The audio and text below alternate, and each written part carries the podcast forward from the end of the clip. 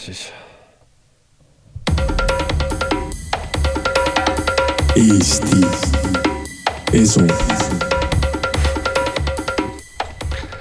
tere, tere, alustab äh, järjekordne Eesti Eso.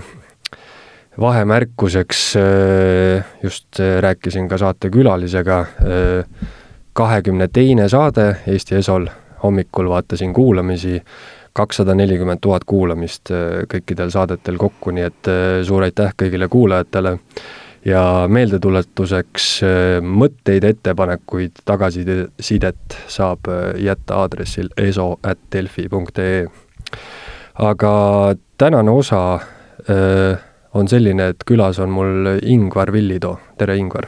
tervist! no sina oled äh, selline mees, kes on, äh, on jäänud mulje, et võib-olla isegi kuulsam väljaspool Eestit kui, kui Eestis sees. aga selline, selline märksõna nagu inimene kaks punkt null või human kaks punkt null jäi mulle silma ja siin äh, ühes saates rääkisime ka ai-st ehk siis tehisintellektist ja mul kuidagi kohe klikkis sealt mingisugune seos sellega. aga ilmselt ma panin täiesti mööda, et see lihtsalt kõlab niimoodi. Et eh, nii palju, kui ma sinust tean ja kuulnud olen, siis eh, oled sa teadlikkuse mees. et eh, äkki sa selgitad, mis asi on üldse teadlikkus, esiteks sul on kohe nii hea küsimus, et võttis mõtlema ei noh, vaata, me pole kokku leppinud, millest me räägime, eks ole. jah, see tuleb ja. siin vabalt. ei, mõelda pole midagi, ma pole väga harjunud äh, mõtlema, et pigem ikkagi teadval olema ja teadvustama, ehk vastan siis sinu küsimusele. see võib-olla vajab natukene rohkem sellist selgitust, et see oleks nagu klaar, sest see sõna teadlikkus ja teadvustamine on äh, noh, ma ei tea, kas äh, kas kõik teavad tegelikult selle sõna tähendust või sisu? Kõlab lihtsalt, aga kui mõtlema hakata, siis seda defineerida on üsna niisugune keeruline. jaa, ta on küll defineeritud, mina isegi olen mitu korda seda defineerinud, aga ma toon ühe lihtsa näite, mille järgi on võimalik aru saada, millest jutt on. toon ühe sellise lihtsa näite, vaat kui sa märkad midagi -hmm. siis sa jääd seda nagu vaatama, jääd nagu seda uurima ja uurima, samal ajal sa väga palju ei mõtle, aga nagu oled otseselt eh, nagu, nagu teadlik sellest, mida sa vaatad või sa kuuled või tunned näiteks. no ma ei tea, see võib olla ka mingi lõhn või maitse, näiteks sööd ja tunned, et midagi kriuksus hamba all. sa paned seda tähele ehk märkad ja siis oled teadlik sellest sellel ajal ja teadvustamine on siis minu jaoks selle fenomeni nagu laiali tõmbamine ajas et sa kasutadki sellist vaadet äh, maailmale ja iseendale. Ütleme, ta on äh, selline noh, see hamba näide, et äh, mingisugune informatsioon, uus informatsioon justkui siseneb.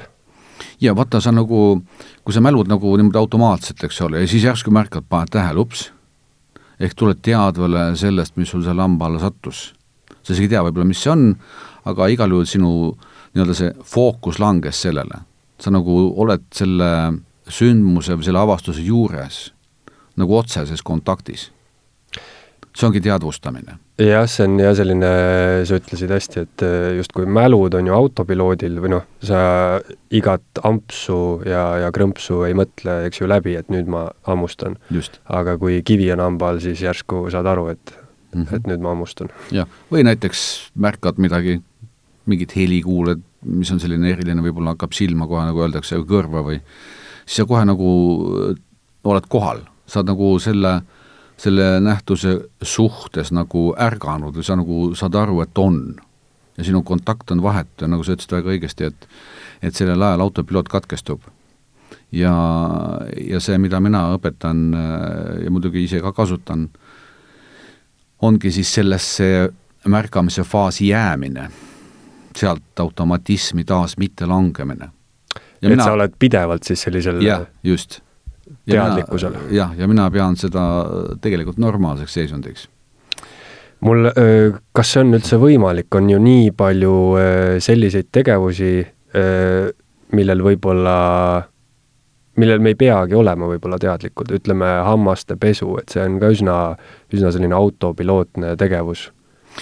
Jaa, vaata, see on natukene võib-olla sügavam teema, ehk noh, sa räägid praktilisest poolest, eks ole, et äh, milline osa siis nagu oleks justkui vaja teadvustada või kontrollida, ülejäänud võiks ju käia, käia autopiloodil. no ja ma mõtlen just seda poolt, et äh, noh, ma saan aru, et kui sa näiteks äh, klaarid enda elukaaslasega mingisugust probleemi, siis oleks parem, kui sa noh, tõesti oled teadlik ja oled kohal, on ju. aga võib-olla selline noh, igapäevane mingisugune muu tegevus, mis ei ole nii oluline, et seal võib-olla võikski olla autopiloodil ja auto, no ma ei ütle, et autopiloot on halb, ta on hea, kui ta töötab õigesti. sest näiteks seesama näide elukaaslastest, eks ole, et kui sa paned tähele, et oot, nüüd ma võin talle nagu midagi vastu torgata, eks ole, tuua mingi, ma ei tea, mineviku argumendi välja ja mille tõlvamisel ta paika panna, siis sa märkad tegelikult automatismi ja sa võid seda teha, võid mitte teha. kui, kui sa teadvel oled, sa lihtsalt teed seda aga teadvelolek on äh, oluline veel ühes nüansis, mitte ainult sellest, selleks, et märgata vaid selleks, et äh, aru saada ka, kes sa tegelikult oled. see läheb nagu, see läheb natukene nagu sügavamale, eks mm -hmm. siin mhm. tekib küsimus sellest, kes on siis teadvel sellest, mida sa siis teadvustad. kui sa oled autopiloodi peal, siis sa tegelikult äh, oled noh, et mina nimetan seda bio-IA. mis see tähendab? see tähendab, et see ongi bioloogiline automatism mm. -hmm. ehk äh, noh, seesama automatism, mida me igapäevases elus kasutame, eks ole, et see nagu juhib inimest. kuid kui ta tuleb teadvele, siis ta avastab, et siin on veel keegi, kes on sellest mehhanismist väljapool. ehk äh, see ei ole nagu ettekujutlus, vaid see on nagu reaalsus, milleni tavaliselt äh, inimesed ei küündi, sest see pole nagu aktuaalne, sellest pole räägitud ja selle olulisust ei ole üles nagu ka tõstetud. kuid sisuliselt äh, noh, kui ma panen punkti, ütleme, sellele sisule, siis võiks öelda, et inimene avastab, kes ta tegelikult on ja ta avastab, et ta ei ole automatism. jah, see kõlab äh, justkui selline automatism on äh, nagu reaktsioon, eks ju, et, et sa noh, sa ei mõtle läbi, võib-olla siis äh, ütled halvasti või käitud või noh, kuidas iganes, eks ju.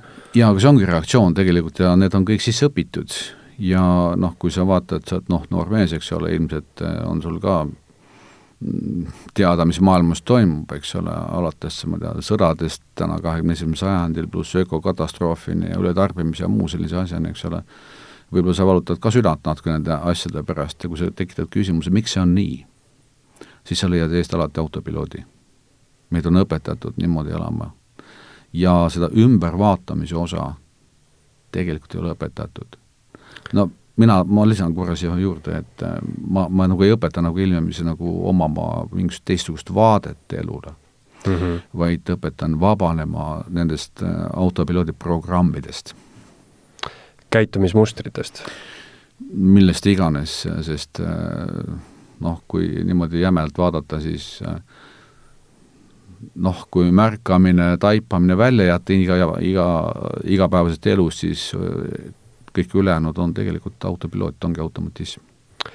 jah, see, miks on sõjad, siis võiks jah mõelda, et ju alati on olnud ja see on inimese loomus lihtsalt sõdida.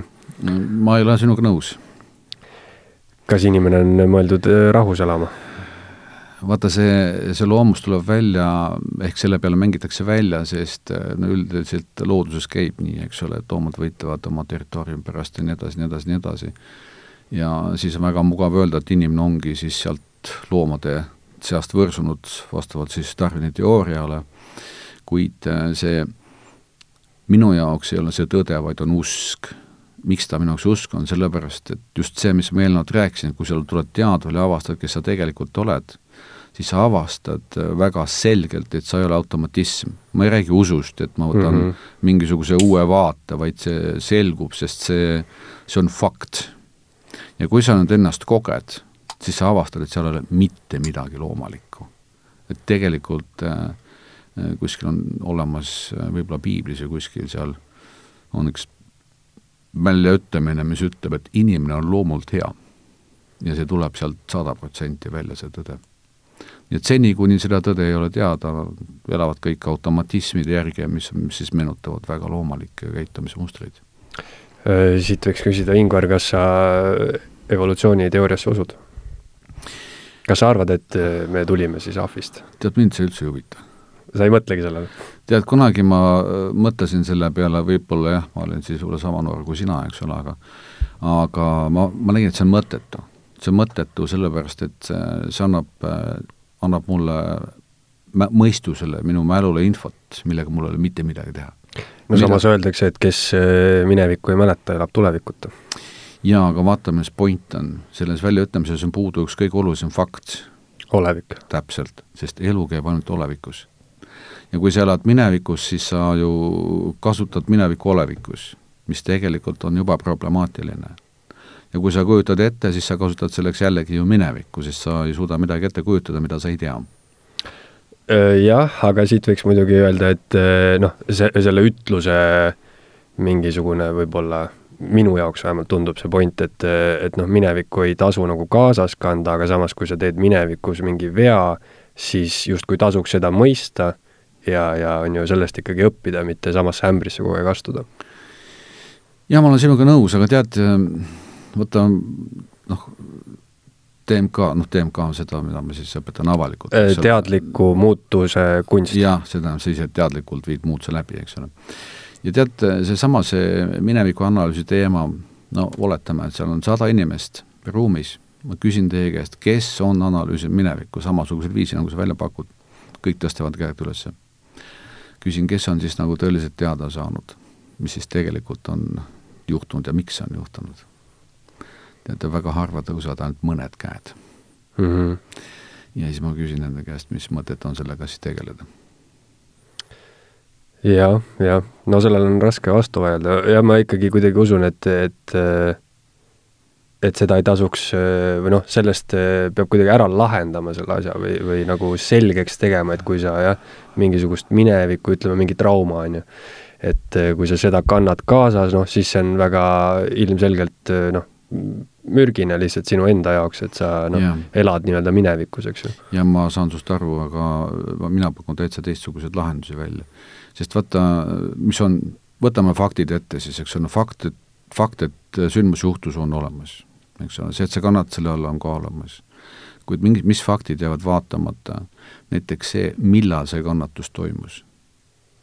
Kui sa vaatad enda olevikus toimuvat elu ja see fakt näiteks, see sündmus toimus seal kümme, viisteist, kakskümmend, võib-olla üks aasta tagasi, siis tegelikult see fakt ei leia enam reaalselt aset, aset, sest ta on ju läinud nüüd tekib järgmine küsimus, kus see kogemus, see fakt siis asub.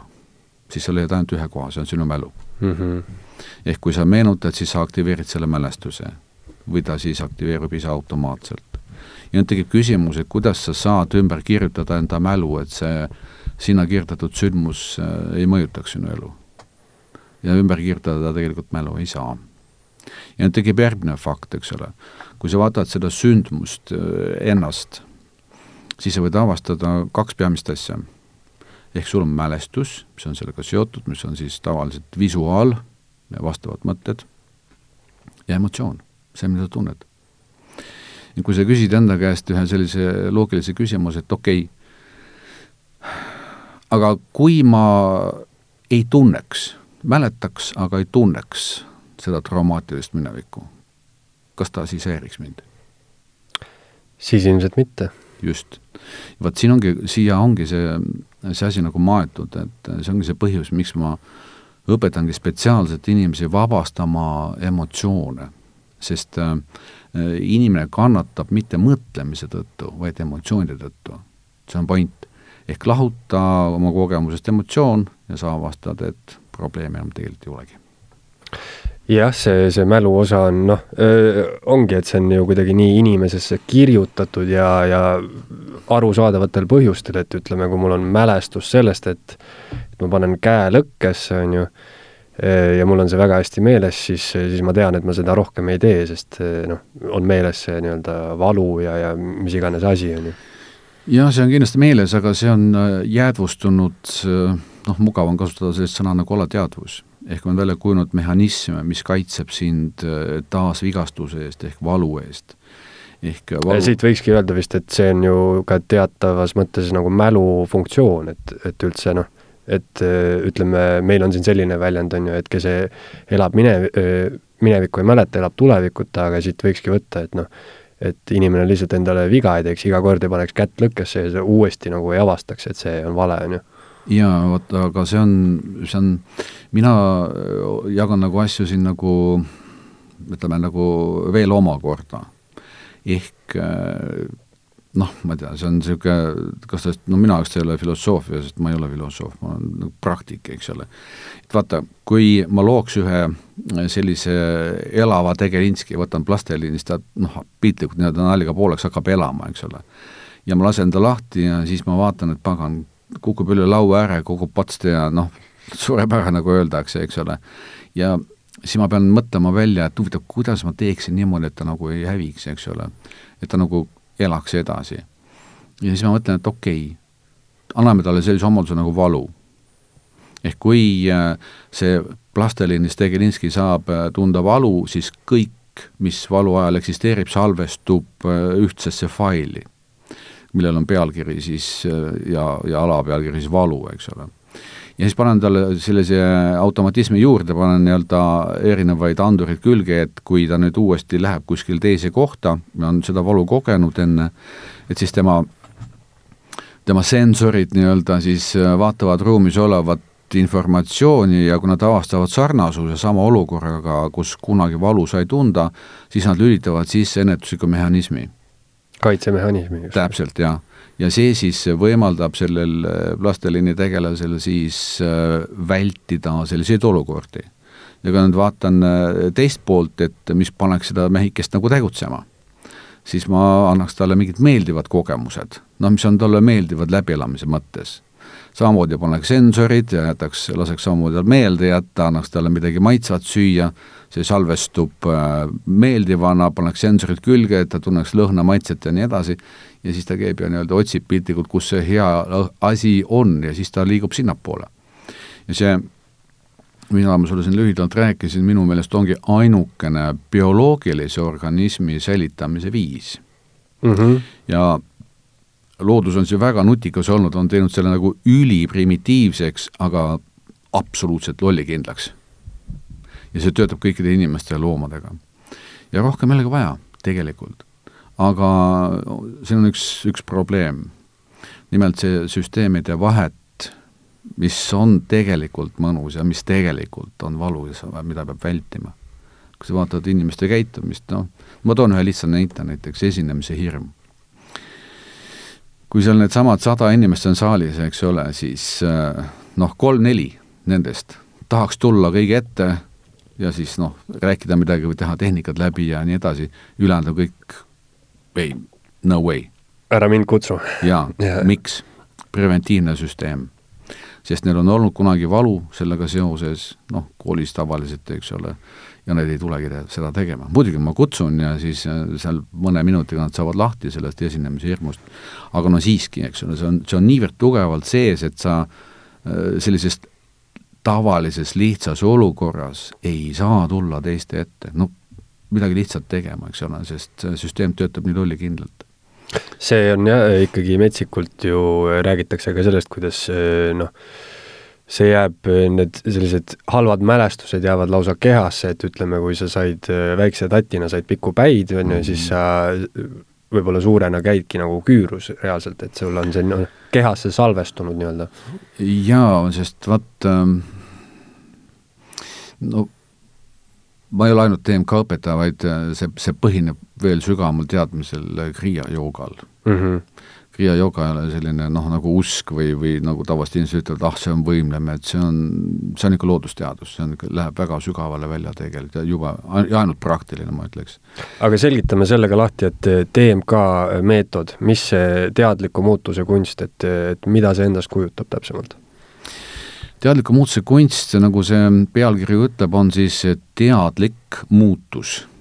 teadlik, ehk ma tean, mida ma teen, ma ise toon või viin läbi muutuse. ma toon, ma kasutan siis vastavaid teadmiseid, mis siis võimaldavad äh, garanteeritult muutusel toimuda ja ma teen seda. miks ta kunst on, no muidugi seal tegemist mingi, mingisuguse kunstiga, kuid point on selles, et äh, sa pead nagu õppima orienteeruma ja seda nagu kasutama ja siis me peame seda natuke selliseks nagu Äh, nagu, nagu pehmeks osaks, mida võib kunstiks nimetada, aga ta ei ole nagu mingi maalimine, eks ole. see on jah, eesti keeles on see hea sõna, see kunst, et äh, iga oskuse kohta võib öelda, et kas sa seda kunsti oskad. jah, aga samas on vaata martial arts, eks ole, et mm, -hmm. et see nagu noh, seal pole jälle kunstiga midagi tegemist, eks ole, et see on nagu, siin peetakse silmas midagi muud. ja, ja see lühend on siis TMK, eks ole mm. -hmm. ja TMK põhineb äh, sellel, mida mida me inimestena juba kasutame. et seal ei ole mingisugust äh, esoteerikat, mingisuguseid uskumisi ja mingisuguseid asju, et et, äh, et see on teistsugune vaade inimesele. no, no ma ütlen sulle lühidalt ära, mida me seal kasutame, et me nimetame seda nii-öelda viie kehasüsteemiks või siis viieks dimensiooniks, viieks erinevaks nähtuseks, ükskõik, kuidas sa need nimetad. aga mida me siis nimetame, siis me ütleme, et igal inimesel on füüsiline keha, mis on absurdselt äh, elementaarne, eks ole, banaalne võib-olla isegi, siis igal inimesel on emotsioonid olemas ja kui ma küsin äh, sinu käest, kuidas sulle tundub, kas emotsioonid on füüsiline keha? Selles mõttes, et emotsioone sa, nagu sa enne ka ütlesid, et emotsioone sa ei mõtle, vaid sa ikkagi tunned neid kuskil kehas, et sealt tulevad ütlused, et mul on südamevalu, et noh, tegelikult ja. sul nagu füüsiline süda ei valuta, aga samas see ei ole ka midagi väga sellist, et noh, sa ei mõtle endale südamevalu välja, et sa lihtsalt tunned seda kehas ikkagi. ja just keha sees, aga vaata, küsimus on veel lihtsam, et kas emotsioonid on keha? no niimoodi võttes ei. ja see ongi huvitav, see on muuseas kõik inimesed vastavad niimoodi, kui nad ei lähe sinna nagu arutlustesse, ei seosta seda oma ajutööga ja nii edasi, siis äh, inimese enda empiiriline ehk isiklik, isiklik kogemus ütlebki seda, et ei ole, on kaks erinevat nähtust. ja nüüd on meil nii-öelda kaks erinevat substantsi, füüsiline ja nii-öelda vitaalne. vitaalsus tähendab siis liikumisi ehk emotsioone. ja nüüd mõtlemine on siis kolmas osi, osa, eks ole. kas mõtlemine on emotsioonid? No on. või, kas see on üks ja seesama? Nad on justkui ühe mündi kaks poolt. just, aga vaat, point on nagu selles, et see on nagu igane küsimus, kas on jälle muna ja siis kana, eks ole mm. -hmm. kui sa võrdled mõtet emotsiooniga, siis sa võid avastada kaks erinevat asja. sest mõte on pigem pildid, piltide seeria ja kommentaarid nende juurde, ükskõik, kas sa siis meenutad või kujutad ette. aga emotsioon on see, mida sa tunned. pilte sa nii-öelda sisemiselt näed ja kommentaare sisemiselt kuuled, aga emotsioone tunned. Sa... sa võid jah, mõtlemise kaudu ju kutsuda esile mingi emotsiooni, eks ju. jaa, aga küsimus on veel lihtsam, kas see on see, kas see on üks ja seesama? no selles mõttes jah, et äh, defineerides on nad ikkagi erinevad asjad. Just, vaata, kui ma teen noh, mingit häält, eks ole, mõttes, äh, mis ei kutsu emotsiooni esile, või häält, mis kutsub emotsiooni esile siis küsimus on selles, et kui ma võrdlen seda häält selle emotsiooniga, mida ma hakkasin tundma, et kas on üks ja seesama. no sisuliselt noh, et kiiremini edasi minna saatega, siis ma võin öelda, et nad on erinevad asjad, eks ole mm. -hmm. nii et meil on juba kolm erinevat nähtust. füüsiline, emotsionaalne vit ja mõtted. vitaalne ja mentaalne. mentaalne okay.. Ja nüüd on neljas, neljas on seesama märkamine. ehk sinu võime märgata vaata, selleks ähm, on vaja natukene võib-olla märkamist nagu avastada, et mis see siis on. sisuliselt äh, märkamise ajal, äh, no ma toon ühe näite. ehk äh, no ilmselt oled sina ka märganud mingit emotsiooni, mis ebasobival ajal aktiveerub, sa tunned, et ta näiteks kerkib kuskilt alt üles ja siis surud ta alla. no ilmselt. ikka, jah. ikka on ju. Nüüd küsimus on selles, et kas see osa sinust, mis märkas seda, on mõte? hea küsimus ma ütleks, et, et see on mingisugune nagu jada, on ju, ütleme, et et ma olen mingisuguses avalikus kohas, kus noh, ma ei saa muutuda, ütleme, vihaseks, ma toon mm -hmm. näite vihaga. et ja siis näiteks kas seal tekib mingi situatsioon, keegi ütleb mulle, ma vihastan, ja siis ta kuidagi justkui tuleb, tõuseb kuskilt ja siis ma saan nagu sellest teadlikuks ja mõtlema ma hakkan juba selle peale, et et noh, et ma ei saa siin hakata nüüd karjuma, on ju, et mm, -hmm. et ma siis pigem hoian tagasi ennast mm. -hmm. no sa kirjeldasid praegu hästi pika protsessi ära, eks ole. aga kui see protsess tõmmata niimoodi nagu lahku ja vaadata erinevaid faase, siis esimene, mis sa märkasid, on see, et äh, refleks ehk automaatne emotsionaalne vastus aktiveerus, sina märkasid seda, siis sa pidid sellega midagi ette võtma, valima, kas sa teed seda, teist või kolmandat, surud alla või väljendad, mis oli siis mõtetega kommenteeritud.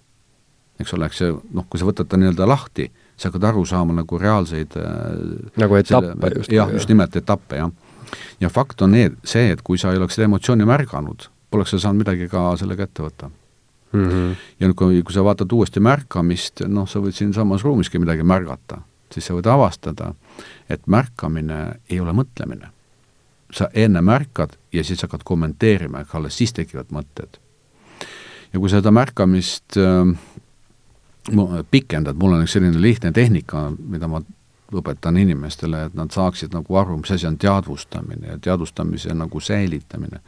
Ütlen neile, et märgake midagi väljaspool keha, aga ärge tooge enda fookust kommentaaridele mm. -hmm. et hoiga, hoiage väljas seda. et siis sa nagu saad pikemalt kogeda, mis asi on teadvustamine. selles on nagu siis teatud mingi selline neutraalsus, eks ju see ongi absoluutselt neutraalne. ja selle neutraalsuse fundamentaalsus on ülioluline, sest vaata, märkamine on selline nagu drastilisem elusündmus, aga samas, kui sa vaatad seda lähemalt, mis asi see on, mis sa märkad, siis sa avastad tegelikult teadvuse. ehk märkamine on teadvuse lahutamatu osa mm. -hmm. ja nüüd, kui sa küsid enda käest näiteks sellise lihtlabase küsimuse, et aga kas ma saan olla märkamata midagi, siis see on fakt, et saab, sest inimesed ju samastuvad automatismidega. Kui sa küsid, kas ma saan olla teadvuseta, siis oma... ma ütleks ka, et saab, kui sa oled täielikult äh,, täielikult autopiloodil äh,. ei, vaata, teadvusetu tähendab midagi muud, see on melemärkuseta inimene aa, no seda küll, jah. jah, see tähendab, teadvust ei ole kehas. selline noh, inimene või inimese keha on täiesti mõttetu, sest äh, seda, kes seal sees on, seda pole olemas. Ja siit tuleb välja nagu tagurpidi vaadates nagu teadvustamise ja teadvuse fundamentaalne osa. ja mina olen seadnud endale siis eesmärgiks äh, äh, seesama, see Human kaks punkt null, millest sa rääkisid, eks ole, siin alguses. ehk minu jaoks ongi Human kaks punkt null see inimene, kes on teadvel, see tähendab, ta teab, et tal on teadvus ja ta kasutab teadvust primaarsena enda elus. Ja sellega kaasneb massiliselt äh, no kuidas ma ütlen, teraapilisi efekte ühelt poolt ja teiselt poolt äh, kogu see Darwini teooria no kaotab üldse igasuguse mõtte ära mm. -hmm inimeste probleemid on kõik automatismid. Nad ei ole kunagi neutraalsed, sest äh, automatismid töötavad alati selle nii-öelda valu ja mõnu režiimis, ei rohkem ega vähem, ükskõik, kas siis maailma reostatakse, on tegemist ahnusega, inimese hävitamisega, vahet ei ole, mis see on, eks ole. kas või ma ei tea, positsioonivõitlus või, või noh, vahet ei ole. kuid teadvus on niisiis neutraalne. neutraalsuse eelis automatismide ees on see, et äh, siin tulevad välja ka ülejäänud teadvuse omadused. ja üks teadvuse omadustest on arukus, arusaamise võime, taipamise võime, ka intuitsioon, inspiratsioon kuuluvad siia. kuid see on just see osa, mille tõttu me võime öelda, et äh, me oleme homo sapiens sapiensid mm. -hmm. no, noh, pidades või noh, olles endiselt nõus sellega, et äh, arukuse alus on arusaamine taipamine? nagu ma aru saan, siis sa oled võtnud justkui äh, ütleme siis äh, olemise või, või jah, eksisteerimise kuidagi, inimeseks olemise siis ütleme, äh, niimoodi juppideks, et, et noh, võime võtta ka mingisuguse väiksema protsessi samamoodi juppideks, et ütleme, kõne, eks ju, et, et mul on mm -hmm mõte, mul on mingi ajend, miks mul tuli see mõte, siis ma tahan midagi öelda, ma mõtlen peas sõnu, kuidas seda väljendada, ja siis mul hakkavad seal juba füüsilised, on ju, etapid, et mul hakkavad häälepaelad hakkavad äh, tegema seda, siis ma seal keelega, huultega toon need sõnad lõpuks välja, et sellised erinevad etapid, eks ju mm. -hmm. aga eh, nagu ma aru saan, siis DMK selline nagu mis on selle eesmärk või, või eesmärk peaks siis olema see, et inimene on kaks punkt null? eesmärk on tuua välja automatismide rägast tegelik inimene. ja, ja, ja anda sellele kätte oma elu juhtimine automatismi asendades.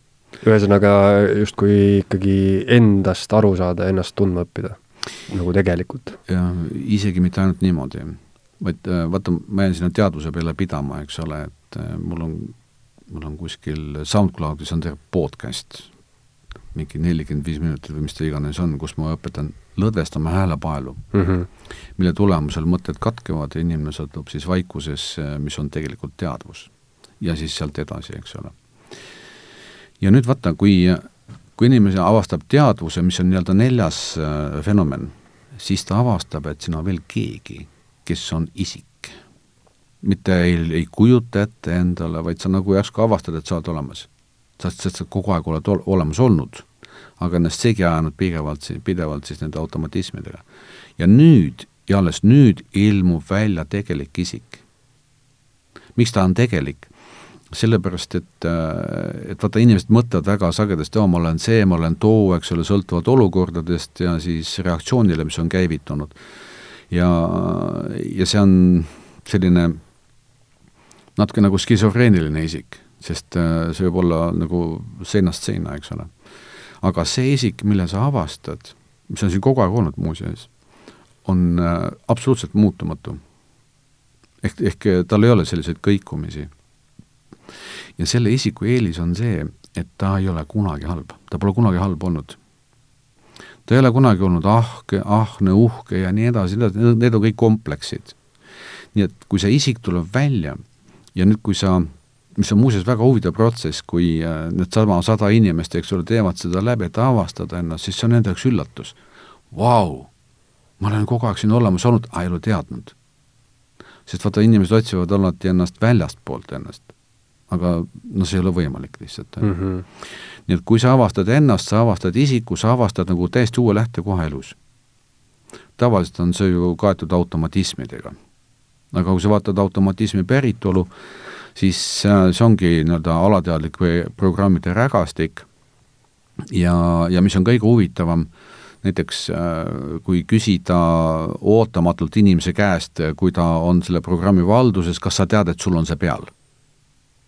siis iga inimene teab, et on. ehk ta tuleb nagu korraks teadvale, kui sa aitad, ja ta saab aru, et tal on see peal. ja saab aru, et see ei ole tema aga kas siis äh, selline inimene, see, kas see on mingisugune ühtne, ma ei tea, entiteet, et kõik, kui me võtame sealt, kõik saame ära võtta füüsilise keha, mis meid eristab, on ju, et sa oled mees või naine, mõtted võtad ära, kõik su kogemused, asjad, emotsioonid, kõik korjad ära, et kas siis põhimõtteliselt, kui kõik need ära korjata, kas siis kõik inimesed on täpselt ühed? et nagu sa ütlesid, kõik me oleme head jaa, see on väga ohtlik küsimus selles mõttes, et äh, kui ma ütlen jah, mis on tegelikult tõde, siis tekib kohe küsimus, et aga oot-oot-oot-oot-oot-oot, aga et mis meid siis justkui eristab? jaa, just, et elu on ju nii mitmepalgeline ja, ja nii edasi ja, ja nii edasi, tekib suur probleem, eks ole. vaata, küsimus on selles, et kui sa oled iseendana, siis tegelikult sa hakkad õppima või sa tähendab, hakkadki elama enda elu see ei tähenda, et sa jääd äh, ilma äh, mingitest kogemustest, see on kõik võimalik. Kuid kui see isik on esile tulnud, ehk sa ise oled esile tulnud, siis sa ei aja ennast enam segamini alateadvuse poolt pakutud reaktsiooniliste isikutega. ja sul tekib kindel pinnas jalgade alla. näiteks needsamad mineviku traumad, millest sa siin korra mainisid, eks ole, ehk kui sa tead, et kes sa tegelikult oled, siis sa koged traumat kui protsessi mitte nagu ennast, vaid protsessi. ja kui sa nüüd õpid siis, kuidas äh, sina saad seda protsessi mõjutada, siis see ampluaa on praktiliselt äh, piiramatu. ja noh, ma juba mainisin, eks ole, et kui inimene õpib näiteks iseendana vabastama sellest äh, ähm, traumast emotsiooni, siis tegelikult probleem on juba lahendatud ja see laheneb ära väga kiiresti, eks ole, mitte aastatega, aastakümnetega, vaid eh, noh, minutitega, eks ole, või tundidega maksimum. Ehk siit tuleb välja ka tegeliku inimese efektiivsus, enda nii-öelda selle psühholoogilise poole ehk reaktsioonilise poole revideerimisega. ehk inimene saab ennast ümber ehitada. ja see ei tähenda, et ta nüüd nagu vaesustub, vaid ta saab ennast revideerida näiteks kõikide nende negatiivsete asjade võrra, ehk kogu negatiivsuse enda elust nagu lihtsalt elimineerida enda reaktsioonilisest nii-öelda paletist ja jääda positiivsete juurde. kusjuures ta saab juurde luua ükskõik mida nii et selline äh, tavaline inimene, kes äh, noh, elab oma elu nii-öelda reaktsioonilt reaktsioonile ja elu on kaunis juhuslik, muutub ta tegelikult enda elu juhtijaks. ja see potentsiaal, mis avaneb äh, sellise võimekuse juures, on praktiliselt nagu piiramatu mulle tundub, et see Human kaks punkt null ikkagi on siis, see nimi vähemalt on inspireeritud natuke sellisest äh, noh, robotlikust, robotlikust äh, mõtteviisist, et äh, kui me mõtleme tehisintellektile, et noh, mida, mida see robot siis praegu veel teha ei suuda, on ju, et ta suudab noh, mälu on tal rohkem kui meil, arvutada suudab kiiremini, ainult et tal ei ole neid emotsioone, mis nii, nii-öelda teevad inimesest inimese, eks ju no tegelikult äh, emotsioonid ei kao inimesele kuskile, eks ole, kui ta ka iseendana on.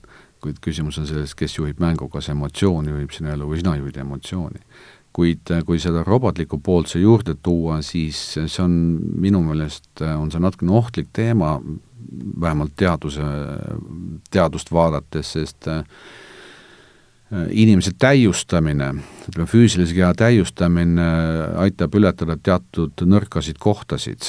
No seesama nagu see aeglane mõtlemine, vigade tegemine ja nii edasi, nii edasi, nii edasi, pidevad läbirääkimised, rahulolematused ja muu jama, eks ole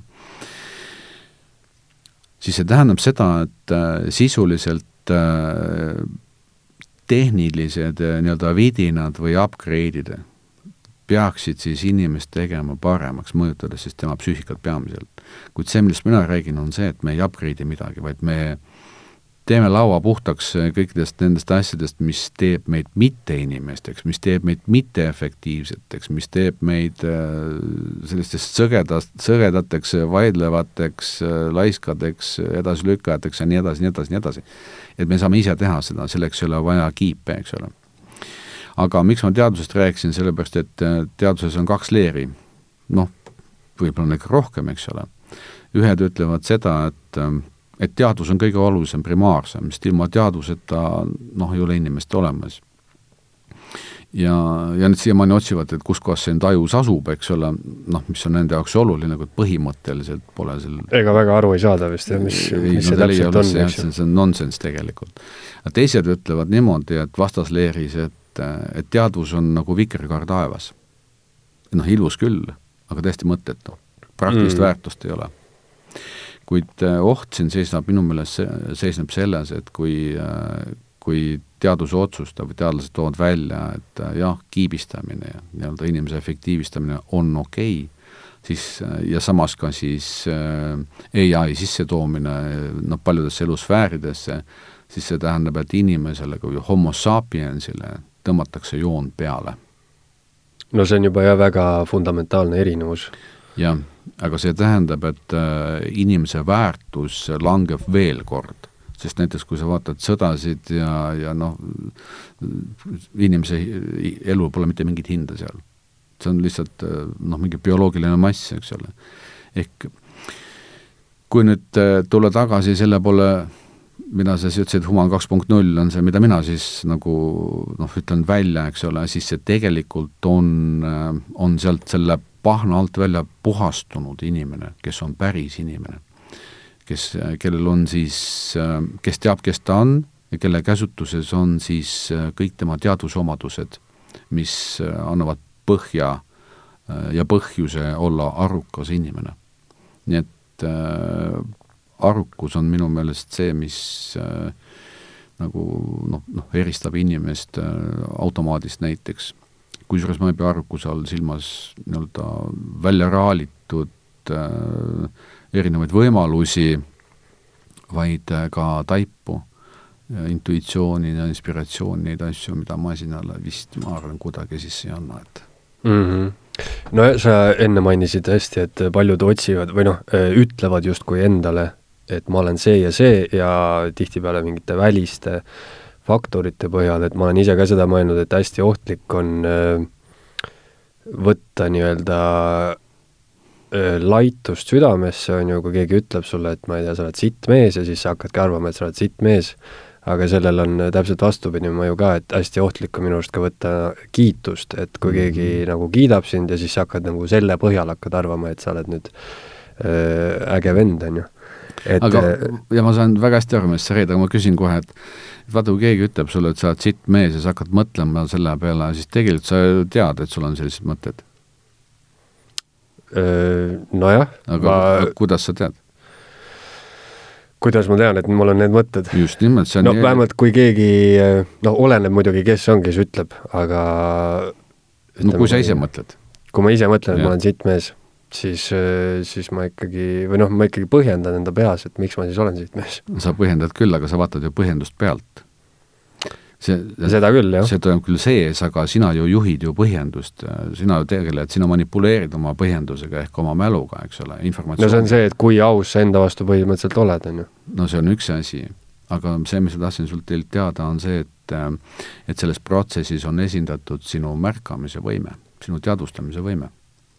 Vastasel juhul sa ei suudaks ju teha mõtetel vahet, kuidagi peab ju mõtet, teie järgnevast mõttest eristama eristamine on ka teaduse omadus. kui seda eristamist ei toimu, siis noh, ma ei kujuta ette, see lihtsalt ei ole võimalik, siis, siis ei ole eksisteerida üldse vist võimalik. nii et siin juba tegelikult rakend-, rakendub äh, teadvus, aga me ei tea seda mm. -hmm. inimesed ei tea. Et kui sa märkad üles kerkivat emotsiooni, siis paljud inimesed äh, märkavad ka mõtteid, aga ei saa aru, miks nad märkavad. seda ei ole keegi õpetanud, see praktiline äh, teadmine sellest ja oskus kasutada peale teadmise saamist on tegelikult täiesti puudu õppeprogrammidest ja ühiskonnast üldse. ja see on just seesama teadvus. nii et see, mida mina olen teinud, on see, et ma olen seda no niivõrd kaua nagu uurinud ja eksperimenteerinud ja jõudnud teatud järeldustele, just praktilistele järeldustele ja see läheb kokku ka siis selliste vanade noh, iidsede teadmistega, eks ole, mis on inimest puudutanud ja, ja see on siis see, see kvintessents, kuhu siis inimene jõuab. mina, minu teadvus ja minu mõistus, minu emotsioonid, minu füüsiline keha on need, mis alluvad mulle, mitte mina nendele. Ehk siit tuleb see inimese, see suurus välja ja siin see, no seltsimees Darwin jääb väga niimoodi noh, nagu kõvasti udu sisse, et no samas teatud need ütleme siis äh, teatud piirid ikkagi on, et kui äh, kui ma saavutan mingisuguse seisundi, kus ma saan aru, et kõik allub minule, aga näiteks noh, füüsilised piirid, et kui ma tahan leviteerida, siis seal tulevad piirid ette. Tead, ma ütleks niimoodi, et, äh, et kõik sõltub teadmistest. sa usud, et see on võimalik siis? ma ei usu seda, et see on võimalik, aga ma ei usu ka, et see on võimatu. sest niikaua, kuni ma piltlikult ise leviteeri, ma ei saa öelda, et see on võimalik või mitte, et minu jaoks ei ole kunagi tegemist usu, usu küsimusega, vaid teadmisega, teadmise rakendamisega. no ütleme, teadmine on see, et see on nagu füüsikaliselt võimatu. miks sa niimoodi arvad? Nende teadmiste põhjal, mis mul on, gravitatsioon. just, vaat. aga vaata, ma olen sellise joogaliigi õpetaja, mida nimetatakse, nimetatakse kriia jooga ja siin on sellised äh, vägevad äh, kuidas öelda, nagu loodusteadlased taga, neid nimetatakse, nimetatakse sidadeks mm. -hmm. see on traditsioon, mis tuleb Lõuna-Indiast, mis on nagu noh, vanem kui muld vist, eks ole. See kirjutatakse niimoodi Siddha. jah, Siddha, Siddha, jah. ja tead, mis nad ütlevad? ma arvan, et äh, iga inimene, kes äh,, kes no saab aru mida nad ütlevad, hakkab aru saama võib-olla väga olulistest asjadest ja kuhu peaks võib-olla rohkem vahest oma tähelepanu pöörama. Nad ütlevad niimoodi, et äh, vaata, paljud otsivad äh, vastust küsimusele, mida ma siin teen, miks ma sündinud olen siia. Nad ütlevad väga huvitavalt, on ainult kaks põhjust. ainult kaks ja mitte rohkem. esimene põhjus on teada saada. no sõna otseses mõttes teada saada. ja teine põhjus on saada lunastus no see läheb nii sügavale, et sellest pole mõtet praegu rääkida, mis see tähendab. aga teada saada on väga huvitav. ja nad lisavad siia veel ühe huvitava nüansi, et, et see kõlab niimoodi, et kõik see, miks eksisteerib, sisaldab teadmist. Iseenesest on selles olemas teadmine. minu meelest on see täiesti loogiline. no on. ja nüüd nad ütlevad niimoodi, et üks inimesena olemise eesmärke on tundma õppida, teada saada ehk teada saada seda teadmist mm. -hmm. nii et see on, minu meelest on see täiesti teaduslik lähenemine. ja nüüd, eh, kui sa vaatad eh, kas või tänapäeva teaduse avastusi läbi siis olemasoleva prisma, milles sisaldub teadmine, siis ma arvan, et seda teadmist on täna avaldunud ikkagi ülivähe tegelikult. ja võib-olla on avaldamata ka veel see teadmine, mis ületab, aitab ületada gravitatsiooni võib-olla tõesti, siit mul enne tuli üks mõte pähe, et äh, ma lugesin äh, ühte jube halba raamatut viimati, aga seal oli üks huvitav mõte oli, millele ma ei olnud mõelnud, et äh, et justkui meie kolmemõõtmeline maailm, kolm dimensiooni, eks ju, sa mainisid viit dimensiooni, et, et see kolmemõõtmeline maailm oli seotud piibliga, kus on siis need kolm tähtsat, et isa, poeg ja püha vaim, on ju. Et äh, seda on, seda on võib-olla keeruline isegi nagu mõelda siin selle ajuga, mis meil on, sest äh, ütleme, kui me oleks multikad, mis oleks paberile joonistatud kahe, kahedimensioonilised, siis me justkui kõrgusesse, või noh, me ei mõistaks seda, eks ju mm. -hmm. aga kas, äh, mis sina arvad, kas, kas on mingisugused dimensioonid, mis on siis meile kättesaamatud?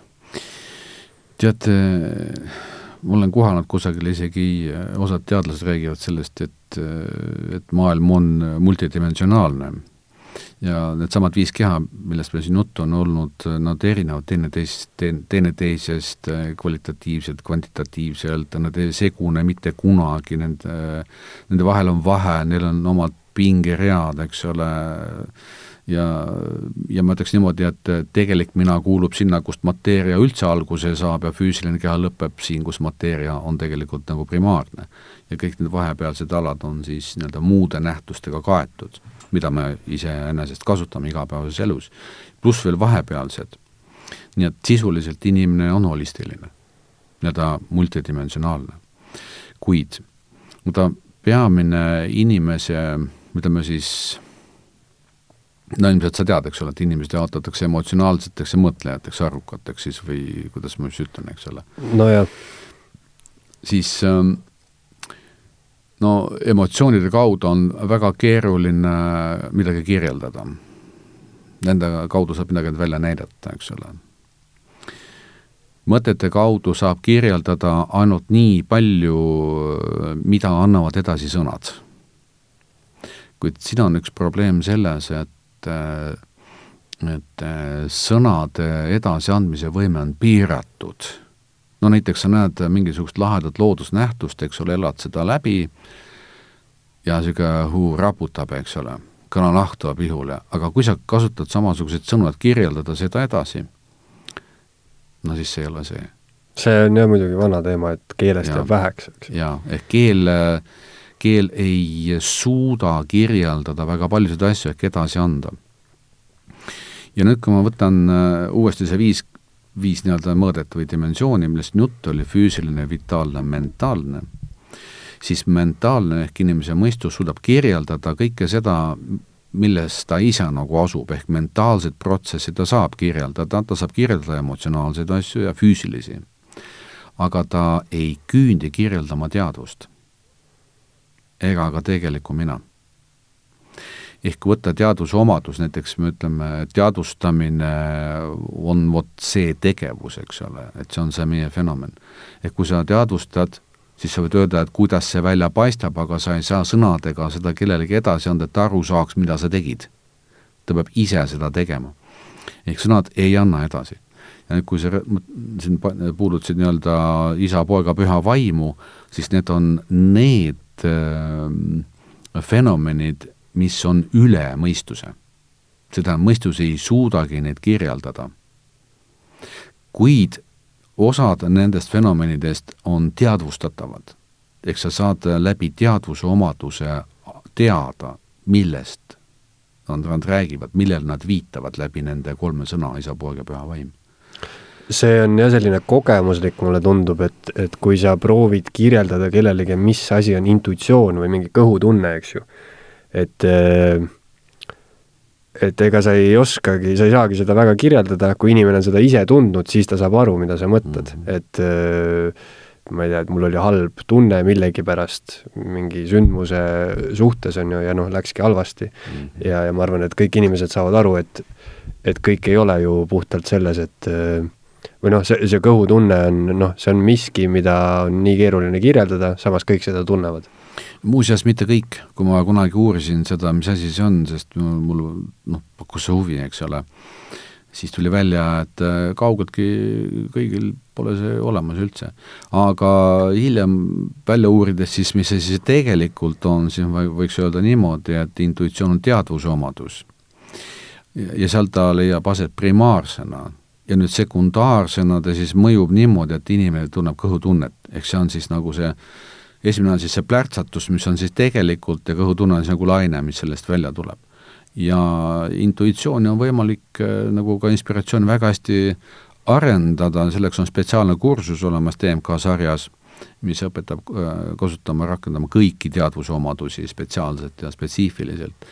ja mina, ma olen isegi defineerinud muuseas intuitsiooni kuidas sa defineerid seda? ma ütleksin niimoodi, et äh, see on, et intuitsioon on võime teada minevikku ja tulevikku.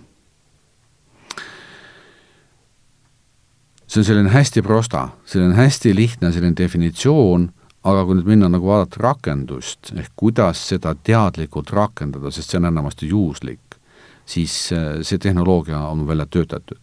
ja, ja mis ma võin öelda, ma võin öelda niimoodi, et äh, intuitsioon on juhitav. Ta on juhitav äh, erinevate faktorite kaudu, kombineeritav ja selle kaudu on võimalik siis päris kaugele liikuda tuleviku nii-öelda võimalikesse tulevikustsenaariumitesse. ja see on igavesti äge tegelikult äh, ja sellest on väga palju kasu. jah, see võib-olla siin võikski mõelda niimoodi, et see on justkui ikkagi mingisugune dimensioon, mida me niimoodi igapäevaselt ei saa kätte, aga siis justkui no või noh, miks, miks inimene, ma ei tea, tunnetab mingeid asju ette? tead, ma ütleksin, et see ei ole dimensioon isegi, vaid see on pigem iga inimese omadus, sest vaata, teadus on kõigil olemas, teadus on kõigil üks ja seesama.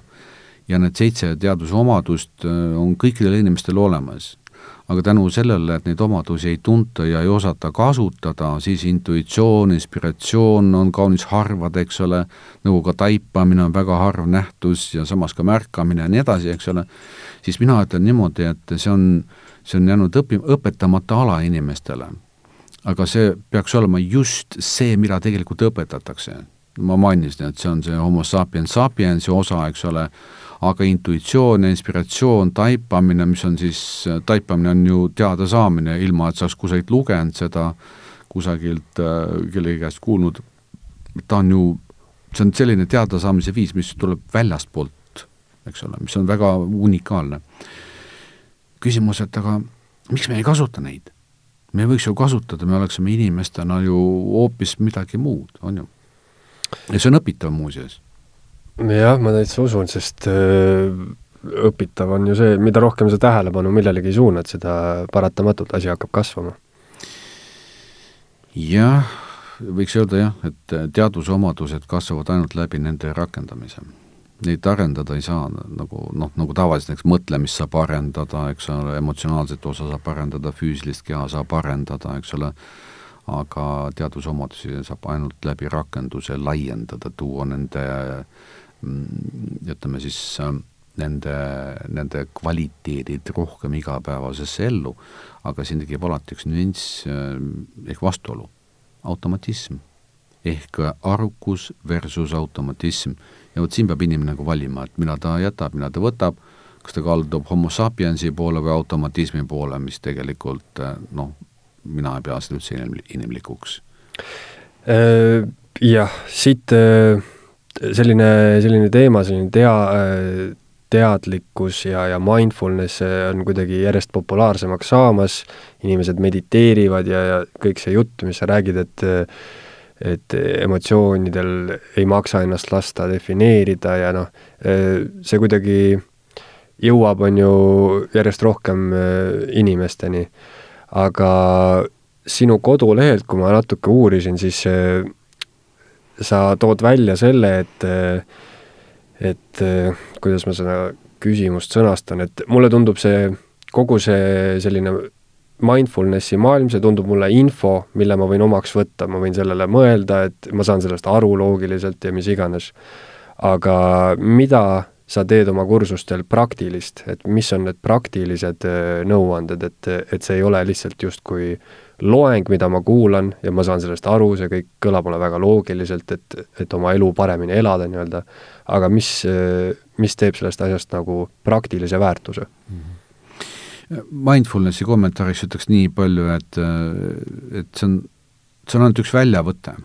see on üks väikene väljavõte inimese võimalustest, ta on toodud nii-öelda audientsi ette, kusjuures see on teada olnud äh, tuhandeid aastaid, äh, see tuleneb äh, sellisest tehnikast, mille nimi on vipassana, mis on siis ainult nii-öelda vaatlus, nagu tunnistamise tehnika, mis aitab siis inimesel aru saada, et ta ei ole need asjad, millega ta siis kontaktis on, et ta on see, kes ikkagi teadvustab, eks ole.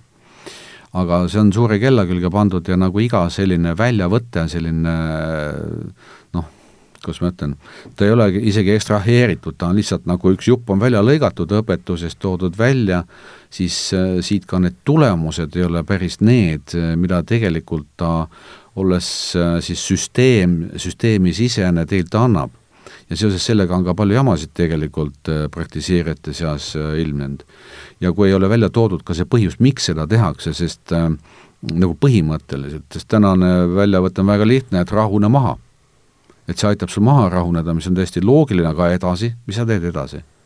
ma puutusin Ameerikas ühe, ühe, tuli üks IT-mees, tuli kursusele ja küsis, mis, küsis, mis probleem on. ta ütles, et ah, väga ei olegi, et tema oli mindfulnessi praktiseerija. ja tead, mis juhtus või? tal on niimoodi, et ta siis kuulab ja siis ma vaatan, et noh, nagu normaalselt kuulab ja siis kuidagi kummaliselt niimoodi nagu tõmbleb, eks ole siis lõpuks küsin ta käest vahel, kuule, mis asja, mis, mis toimub mm? -hmm. ta ütles niimoodi, et ma kuulen ja siis ma tunnen, et emotsioon tuleb peale ja ma pean sellest eralduma.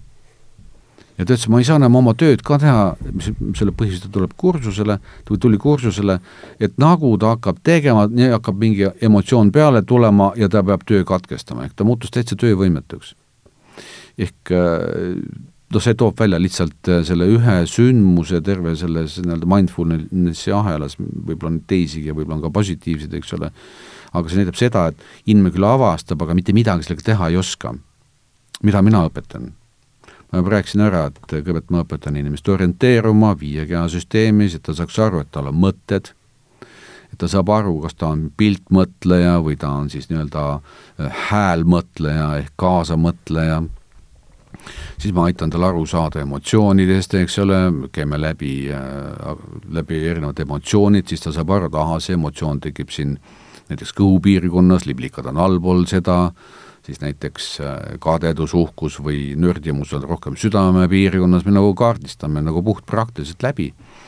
ja siis loomulikult äh, ma, ma, viime koos läbi sellise äh, tegevuse, mille kaudu ta saab teada, et ahah, see ongi teadvustamine, ta saab teada, et ahaa, teadvustamisel on siin keegi isik, kes teadvustab, siis me avastame, kes see isik on, mitte need kirjelduslikud, kõik on kogemuslik. siis ta saab aru, et ohoo, jess, ma olen olemas, ta avastab esimest korda ennast ja saab aru, et jah, ma ei ole mõte. Ja saab aru, et see isik on siin kogu aeg olnud terve elu, aga ta pole lihtsalt teadnud seda. jah, siis me õpime näiteks sedasama märkamise pikendamist, eks ole, puhtpraktiliselt, kuidas seda teha, no see on väga lihtne, näiteks äh, noh, võib-olla seletan ära sulle, no vaata, kui sa siin nüüd märkad midagi siin selles ruumis, pane tähele lihtsalt, et sa märkad. Ja nüüd märka kui pikk on aeg märkamise ja kommentaari vahel, mida sa märkam-, märgatule annad? kui pikk on see aeg siin vahel? mis see on sinu jaoks? Väga väike, ma lihtsalt nimetan neid asju peas, mida ma märkan. jah, aga pane tähele, et sa enne märkad ja siis nimetad. ikka, jah. ja nimetamise ja märkamise vahel on väikene viide, kui pikk see sul on? mõõtmatult väike. No tavaliselt on see pool sekundit kuni neli sekundit mm. -hmm. tavaliselt, sõltub inimesest.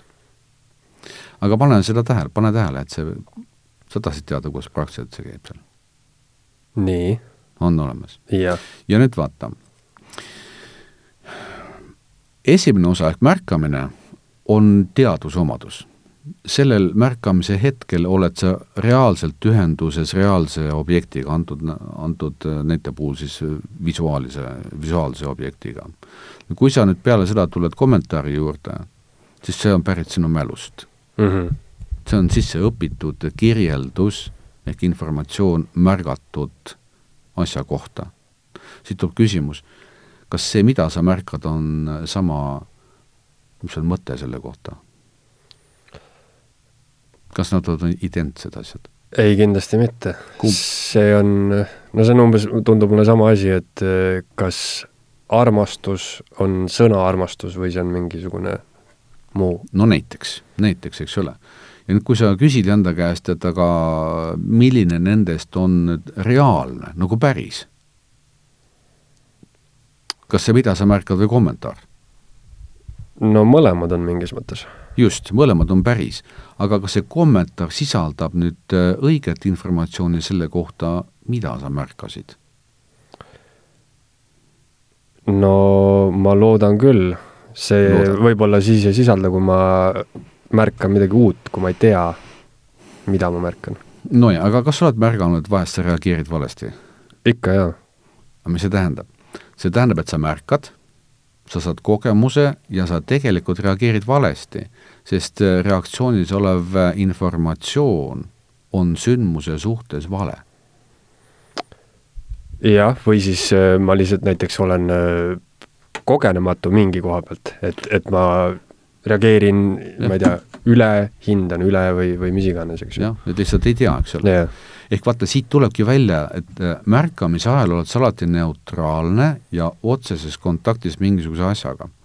kommentaar võib vastata tegelikkusele ehk kirjeldada seda asja nii, nagu ta on, aga võib ajada ka mingit täielikku jama, eks ole.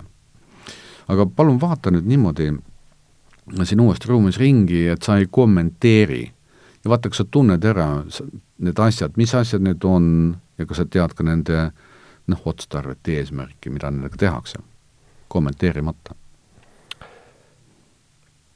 jah, siin on mul äh, seda kuidagi kerge teha, sest ma lihtsalt, äh, mul ei ole hinnangut nende asjade suhtes, et noh, need on lihtsalt asjad. aga ma tean võib-olla seda, kuhu sa rihid, et ütleme, ütleme, toome mingi näite, et kui inimene vaatab televiisorit, näeb äh, seal mingit kuulsat inimest, siis väga-väga tihti ma kuulen seda, et noh, mingi võõras inimene mm., aga ta ei meeldi mulle või, või oh, tema on nii sümpaatne või, või no kohe antakse see, mida mina pean selleks kommentaariks, mis on siis sinu endapoolne mingisugune lisa, mis sa annad sinna juurde. jah, just nimelt.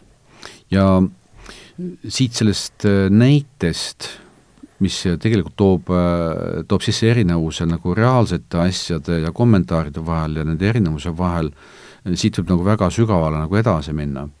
ehk ma toon lihtsalt mõned näited, et kui sul on näiteks enesearvamus enda kohta, siis see sünnib sinu seest.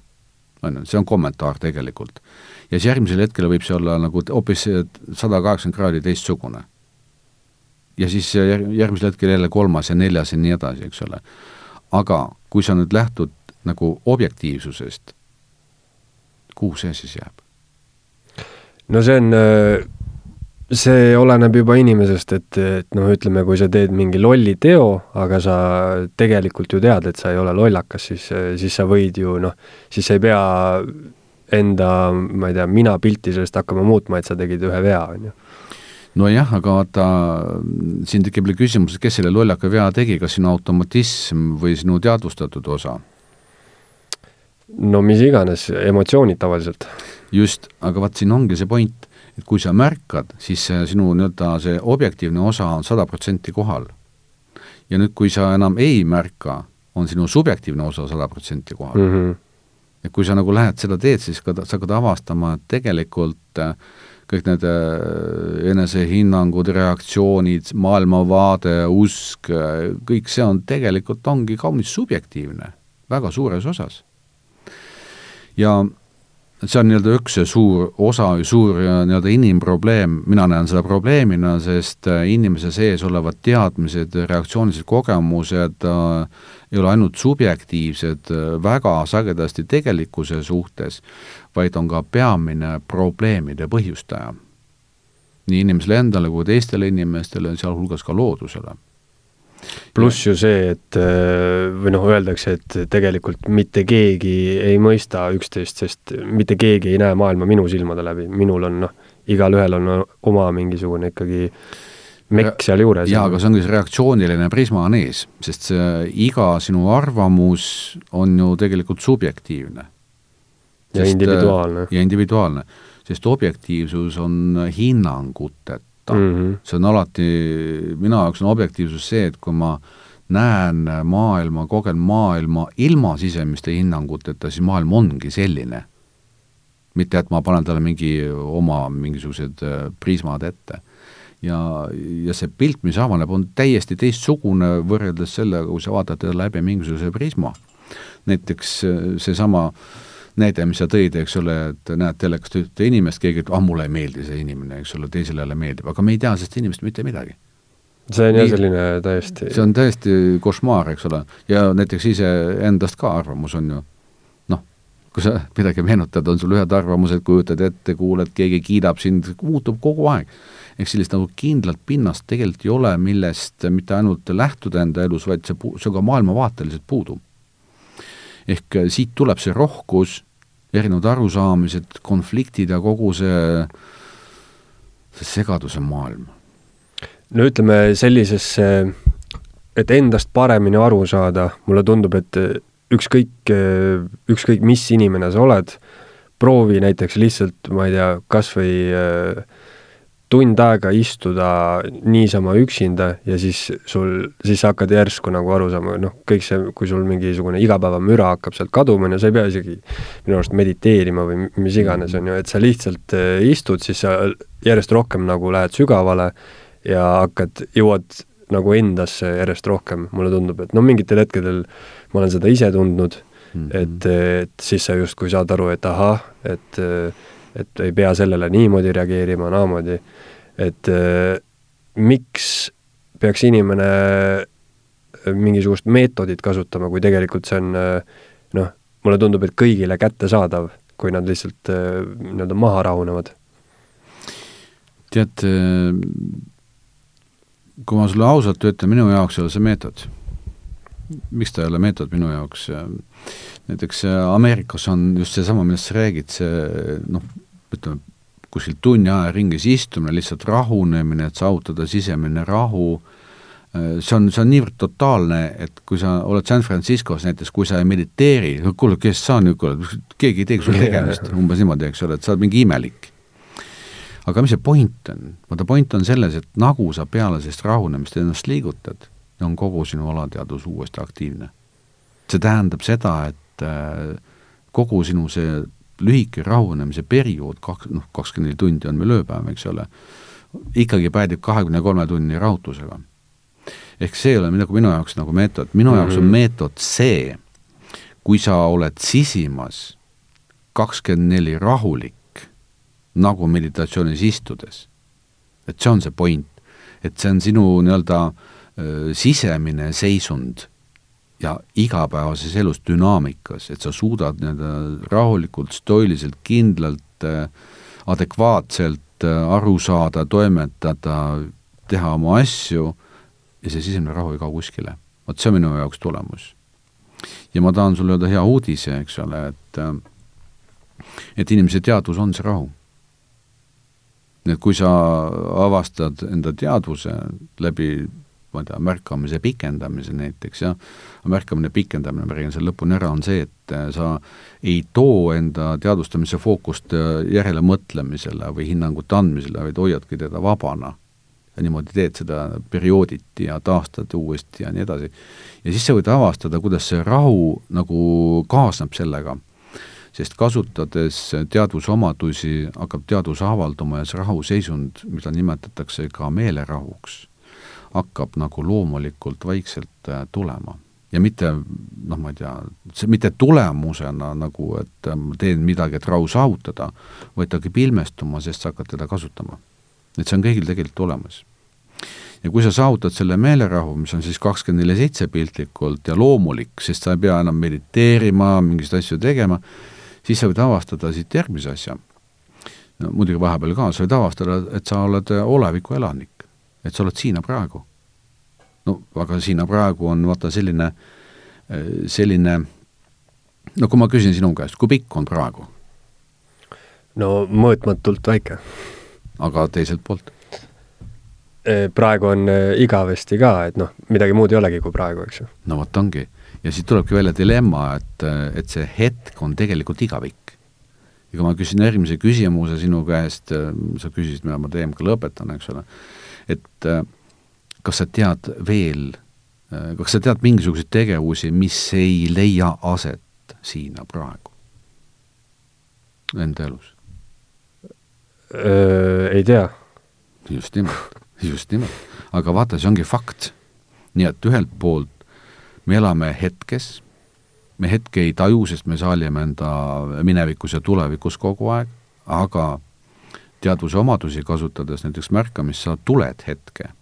ja siis sa avastad, et elu toimub ainult praegu ja mitte kunagi eile või ülehomme ja nii edasi, nii edasi, ja see korrigeerib väga tõsiselt äh, sinu nii-öelda laskumise mineviku meenutustesse ja tuleviku ettekujutlustesse, mis loovad siis ajamõiste näiteks ma küsin järgmise küsimuse, noh, lihtsalt illustreerides, kui sa meenutad minevikku mm, -hmm. no meenuta palun midagi. Mingit konkreetset sündmust? no ükskõik, mis sulle meeldib. no meenutan. millal sa teed seda? ma juba tegin ära. nojah, aga millal sa teed? millal, no kui sa meenutad veel, meenuta natuke pikemalt natukene et ja küsimus on sama, millal sa teed seda? millal ma meenutan? praegu kas sa said aru, mis sa ütlesid? jaa või ei saanud muidugi said aru, sa said väga selgelt aru see on, aga see on, vaata, siin on point, eks ole. see on oluline point seisneb siin selles, et kui sa meenutad, siis inimestele tundub, et nad lähevad minevikku mm. -hmm. aga tegelikult teevad seda alati praegu. just, ja ettekujutusega on täpselt samasugune lugu. aga no ma usun, et sa hoomad, eks ole, mida see tegelikult ümber ma saan aru küll, jah. Paljud need teemad tunduvad mulle hästi tuttavad sellise mehe, mehe teosest nagu Eckart Tolle, ma ei mäleta, mis selle raamatu nimi oli, aastaid tagasi ma lugesin seda, aga noh, põhiline fookus, mis mul tuli tuttav ette, et et see, et kes see siis, kes see mina olen, kes ütleb minu peas, et mina, minu nimi on ju kes kes seal taga peitub ja, ja see hetketeema ka, et noh, et noh, mitte miski muu ei eksisteeri kui praegu. tead, ma oled sa selle mehe töödega tuttav? tead, ma pean sulle, ma ei tea, kuidas moodi üles tunnistama, aga ma tean küll, et too on olemas. ja mul on isegi kodus mingid teema raamatud, aga tead, ma pole kunagi lugenud neid tal on ja üks on see, mis tal oli hästi kuulus, ongi mingi, mingi hetke teema seal igatahes on. on, on, mingi, mingi jõud oli veel jah, mingi midagi oli. mingi jõu oli, jah. ma usun, kuulajad teavad, millest me räägime mm. -hmm. aga minu teadmised ei olnud, ei olnud tulnud kuskilt raamatutest. Nad on tulnud läbi praktilise elu ja minu enda huvi, et mis minu endaga toimub. ja loomulikult ma olen otsinud, ma olen vaata selline, kes ähm, nagu teab, aga aga ei oska kirjeldada. see on vist kaasasündinud omadus olnud selles mõttes ongi siis huvitav, et kui, kui kaks mõtlejat meest, nad ei tea üksteise tööst midagi, aga nad ikkagi mingisuguses mõttes jõuavad, on ju, sinnasama noh, ma ei tea, võiks siis öelda tõeni näiteks. jaa, loomulikult, sest äh, tõde on üks ja seesama, teed mm -hmm. on siin erinevad, eks ole, erinevate keerukustega, aga noh, mina nimetan, ma, ma teen vahet jooga ja jooga vahel, eks ole, et on päris jooga ja on street jooga, on adopteeritud jooga ja on niisugune mingi jama tehtud joogast, eks ole. et päris jooga eesmärk on tegelikult jõuda iseendani selle hatha jooga ja mediteerimine ja nii edasi, kõik abivahendid, eks ole. ja kui sa jõuad iseendani, siis tegelikult võiks öelda, et eneserealisatsioon toimunud. aga see muidugi ei ole kõik, see on üks vaheetapp. Siit läheb jooga veel sügavamale, eks ole, sõltuvalt joogast. nii et iga inimene, kes tegeleb mingite otsingutega, on siis noh, ma ei tea, vaimsed või, või tõeotsingud, ta jõuab alati ühe sama asja juurde välja.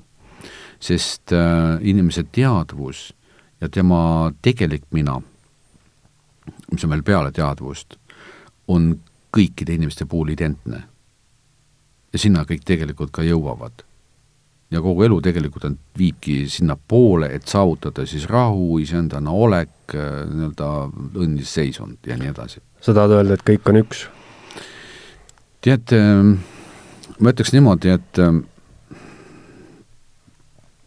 et kui võtta kokku kogu maailma vesi ja vaadata, mida see vesi teeb, no kus teda, kus ta sisaldub, on ta siis pilvedes või taimedes või loomades või meie veres näiteks või ookeanides, eks ole, see vesi on üks sama. kas ma noh, teades seda, et vesi on kõikjal niimoodi jaotunud, kas ma võin öelda, et on üks, jah, teoreetiliselt küll on üks, jah. see on lihtsalt mul endal mingisugune mingisugune filosoofiline küsimus vist, millega ma olen no lihtsalt aastate jooksul olen mõelnud selle peale, et kas kõik on üks või kõik on kaks. sest mm -hmm. noh, see kaks on nii tugevalt meie süsteemis, et päev ja öö, must ja valge, pluss ja mhm. miinus on ju, see dualism või siis, äh, või siis kõik on üks. tead, ma ütleks sulle võib-olla niimoodi, et tegelikult äh, üks pluss kaks on õige vastus jah, ma ise vist olen jõudnud selleni, et kõik on hetkes on üks, et ütleme noh, tõus ja langus, et äh, kui sa võtad ühe hetke, on ju, et siis, siis ta on kas tõus või kas langus, kas must või kas valge, aga liikumise mõttes on äh, ikkagi üles-alla, see on lihtsalt elumuster, see on dualism nagu. jaa, vaata, ma võib-olla natukene täpsustan seda, et äh, vähemalt nii, nagu mina olen avastanud seda, füüsiline keha muutub reaalajas tähendab praegu, emotsioonid liiguvad äh, reaalajas, mõtted muutuvad reaalajas, teadvus on reaalajas stabiilne, püsiv mm. ja olemasolu ka. see on siis see viies komponent. nii et siin on siis üks, ikkagi igal inimesel on olemas üks ja igal inimesel on olemas kaks, seepärast ma ütlengi, et üks pluss kaks on nii-öelda staatiline muutumatu pool, mis ei sõltu absoluutselt äh, dünaamilistest protsessidest ja ja selle avastamine ja praktiline rakendus on see, mis tegelikult annab absoluutselt teistsuguse arusaamise mitte ainult endast, vaid ka üldse olemasolust. näiteks ma tõin sulle näite, eks ole, et kui sa märkasid siin midagi ja siis avastasid kommentaari, ja kommentaar tegelikult ei anna mitte midagi juurde. et kui sa suudaksidki jääda ainult teadvustamise peale ja läbi teadvustamise aru saada, mis toimub ja üles ehitada ja olla nii-öelda eriliselt terav pliiats, sest see teeb teravaks, eks ole. see on see, see ongi terava pliiatsi sündroom, siis mõtle, kus kasvab efektiivsus. jah, kus kasvab efektiivsus mm. -hmm. meeletult. Ei ole vaja seal jahuda mingite mõtetega ja seal toimetada ja arvutada, muidugi kui on vaja, siis jah, aga kui sa suudad nagu vahetult teada, sest vaata, arusaamine ei teki mõtlemise käigus ega rääkimise käigus, vaid see on protsess, mis leiab aset paralleelselt. Et kui sa arendad selle arusaamise niimoodi välja, et ta on sul nagu reaalajas kogu aeg olemas, nagu see on ju homo sapiensi omadus. ütleme jah, siit, siit ma mõtlen, et, et selline ütleme, efektiivsuse mõttes just, et töö tegemine näiteks, noh, nimetame kas või nimetame trenni töö tegemiseks, et sa teed trenni mm, -hmm. selle osa pealt mulle tundub selline, see autopiloot tundub jõle kasulik, et sa ei hakka, sa ei hakka hommikul mõtlema emotsionaalselt, et väljas on külm, ma ei taha jooksma minna, sa lihtsalt teed ilma mõtlemata autopiloodil iga hommik, lähed, lähed, lähed. Aga samas, kui sa teed, on ju sellist, sellist tööd võib-olla tõesti, kus on vaja noh, inspiratsiooni, sul on vaja see terava pliiatsi sündro-, sündroomi on vaja mm, -hmm. et, et siis, siis kindlasti mitte olla autopiloodil, et siis on see pigem kahjulik, on ju jaa, aga tead, ähm, jah, ma, ma olen täitsa nõus sinuga, et see ongi niimoodi ja see on okei okay,, kuid siit saab edasi minna. kui sa tood enda teadvustamise füüsilise näiteks äh, kehatöösse sisse, siis sa avastad siit midagi muud hoopis. sa avastad äh, selle, et äh, sa võid teadlikult enda keha funktsionaalsust muuta, keha väljanägemist muuta ja muid selliseid asju, sest äh, vaata,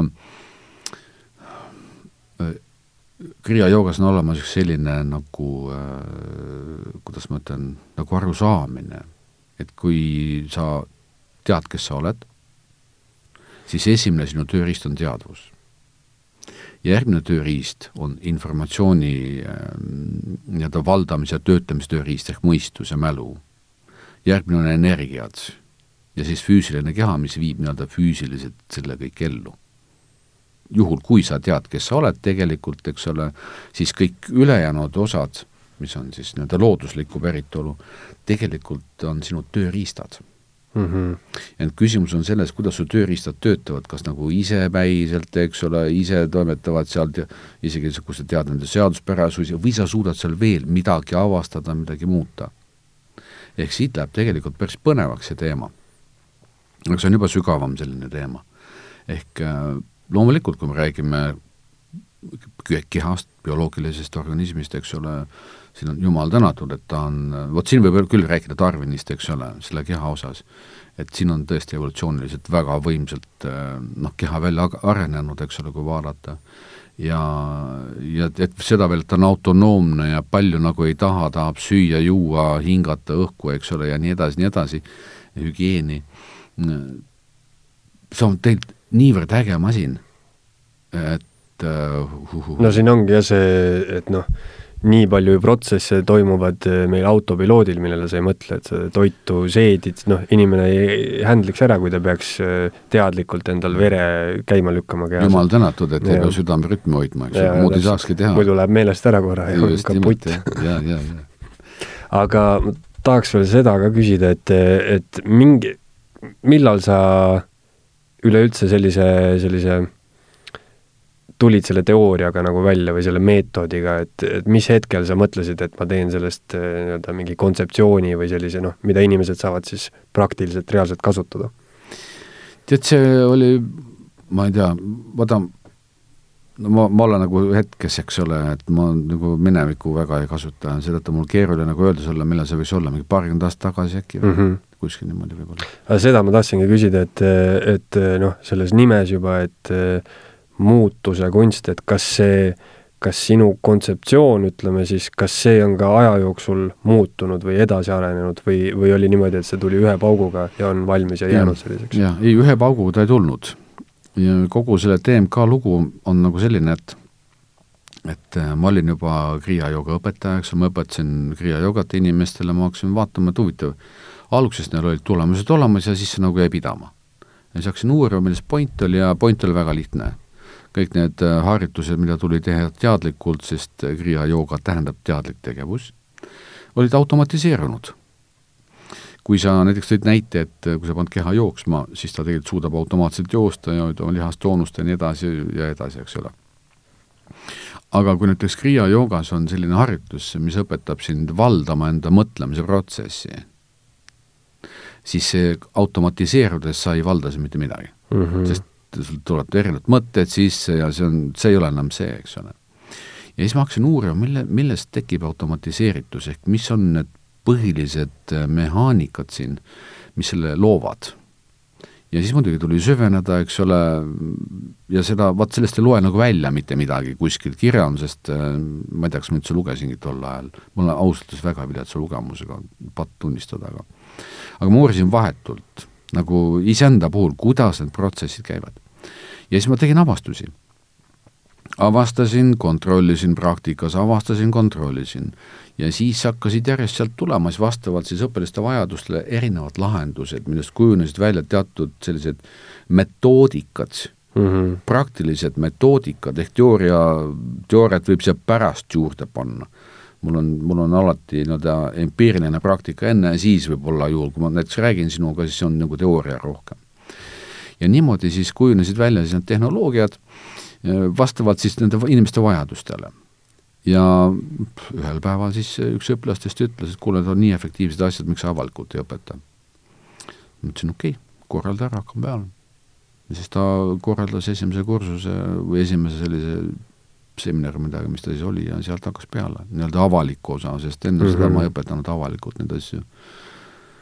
jah, ma mingisuguses teises elus, ütleme, paar aastat tagasi, kui ma töötasin äh, elektrikilbi tehases, äh, mul oli üks baarimees, äh, kes oli käinud sinu kursustel ja, ja rääkis sellest, ta oli võib-olla umbes pool aastat sellega tegelenud, seoses sellega ka noh, alkoholi enam ei tarbinud ja oli sellise nagu muutuse teinud, ütleme, eks ju mm -hmm.. ja rääkis sellest väga vaimustunult ja noh, me töötasime temaga iga päev koos, panime elektrikilpe kokku ja, ja vaidlesime kõvasti selle üle, sest äh, tema rääkis sellest ja rääkis just nendest praktilistest meetoditest, kuidas mm, -hmm.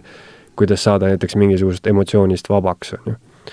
ja, ja mina oma skeptilise ajuga, ma, tema rääkis just sellest efektist, kuidas sa saad hetkega nagu loobuda mingisugusest asjast mm. -hmm. ta veel rääkis mulle mingisugust kõritehnikat, kuidas tema saab, kui ta saab aru, et ta muutub vihaseks, siis ta teeb selle asja ja põmm, ta on sellest on ju lahti saanud mm. -hmm. aga, aga ta rääkis jah mulle, et et väga-väga kiiresti hakkas ta neid, neid tulemusi nägema ja mina rääkisin talle vastu, et kõik, mis on väärtuslik, ma ei usu elu sees, et juhtub hetkega, vaid see võtab alati metsikult aega. jaa, tead, need tehnikad on niivõrd Äh, efektiivsed seetõttu, et nad on nagu, nagu välja lihvitud. see tähendab, sealt on välja lihvitud kõik ülejäänud, kõik, mida ei ole vaja. ja, ja tuues sisse siis selliseid inimese omadusi, mis tavaliselt on äh, väga harva või siis juhuslikult kasutatud, aga tuues nad sisse nagu teadlikult, saavutatakse siis selline efektiivsus ja see tähendab, et see ongi niimoodi jah, mingi kolm-neli-viis sekundit ja saad mingist emotsioonist täiesti lahti, isegi kui see üle pea on sul kasvanud ja, ja see ei ole nagu mingi uhuu asi, vaid see, see on, kuidas ma ütlen siis nagu, ma ütleks võib-olla niimoodi, et see on sellise empiirilise loodusteadusliku uurimuse ja tuunimise tulemus mm. -hmm. Et, aga... see ei ole mingi usk, et see ongi protsessi juhtimine tegelikult. Aga noh, nende aastakümnete jooksul kindlasti sa oled äh, koolitanud ja, ja õpetanud, on ju, tuhandeid-tuhandeid inimesi. Ja, ja kas on ka mingi grupp inimesi, kes, kellele see ei mõju absoluutselt, kes ei saa sellest abi, kes ütlevad, et, et mul see ei tööta, ma olen ikka vihane edasi ja jah, äh, need tehnikad tööta, ei tööta kahel puhul. Nad ei tööta siis, kui äh, inimene ei saa aru, mida talle õpetatakse, ehk ta ei võta osa sellest, ehk ta lihtsalt, see jõuab pärale, mida talle õpetatakse, ehk see tähendab, et see ei ole kättesaadav lihtsalt, inimese enda suhtumise pärast. teine asi on see, et ta rakendab neid teadmised valesti. valesti tähendab seda, et tehnoloogia on väga täpne tegelikult. ütleb, et tee nii. ei, seal ei ole nii, et tee nii või tee naa või tee noh, tee nii, nagu sulle rohkem meeldib, see on alati tee nii. Kuidas ta saab siis valesti rakendada, kui see nii lihtne on?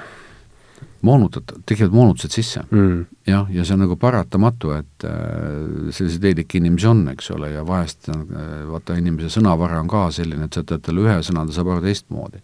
ehk äh, samad sõnad on erinevate tähendustega inimestel kaunis sagedasti tegelikult. ja, ja see moonutus tekib, aga aja jooksul saab see kõik ilusti paika, sest noh, meil on ju need nii-öelda lisapäevad, eks ole, ja nii edasi mm, -hmm. nii edasi, kus kõik tuunitakse paika tegelikult. ja see ongi uskumatult efektiivne. see on tõesti efektiivne.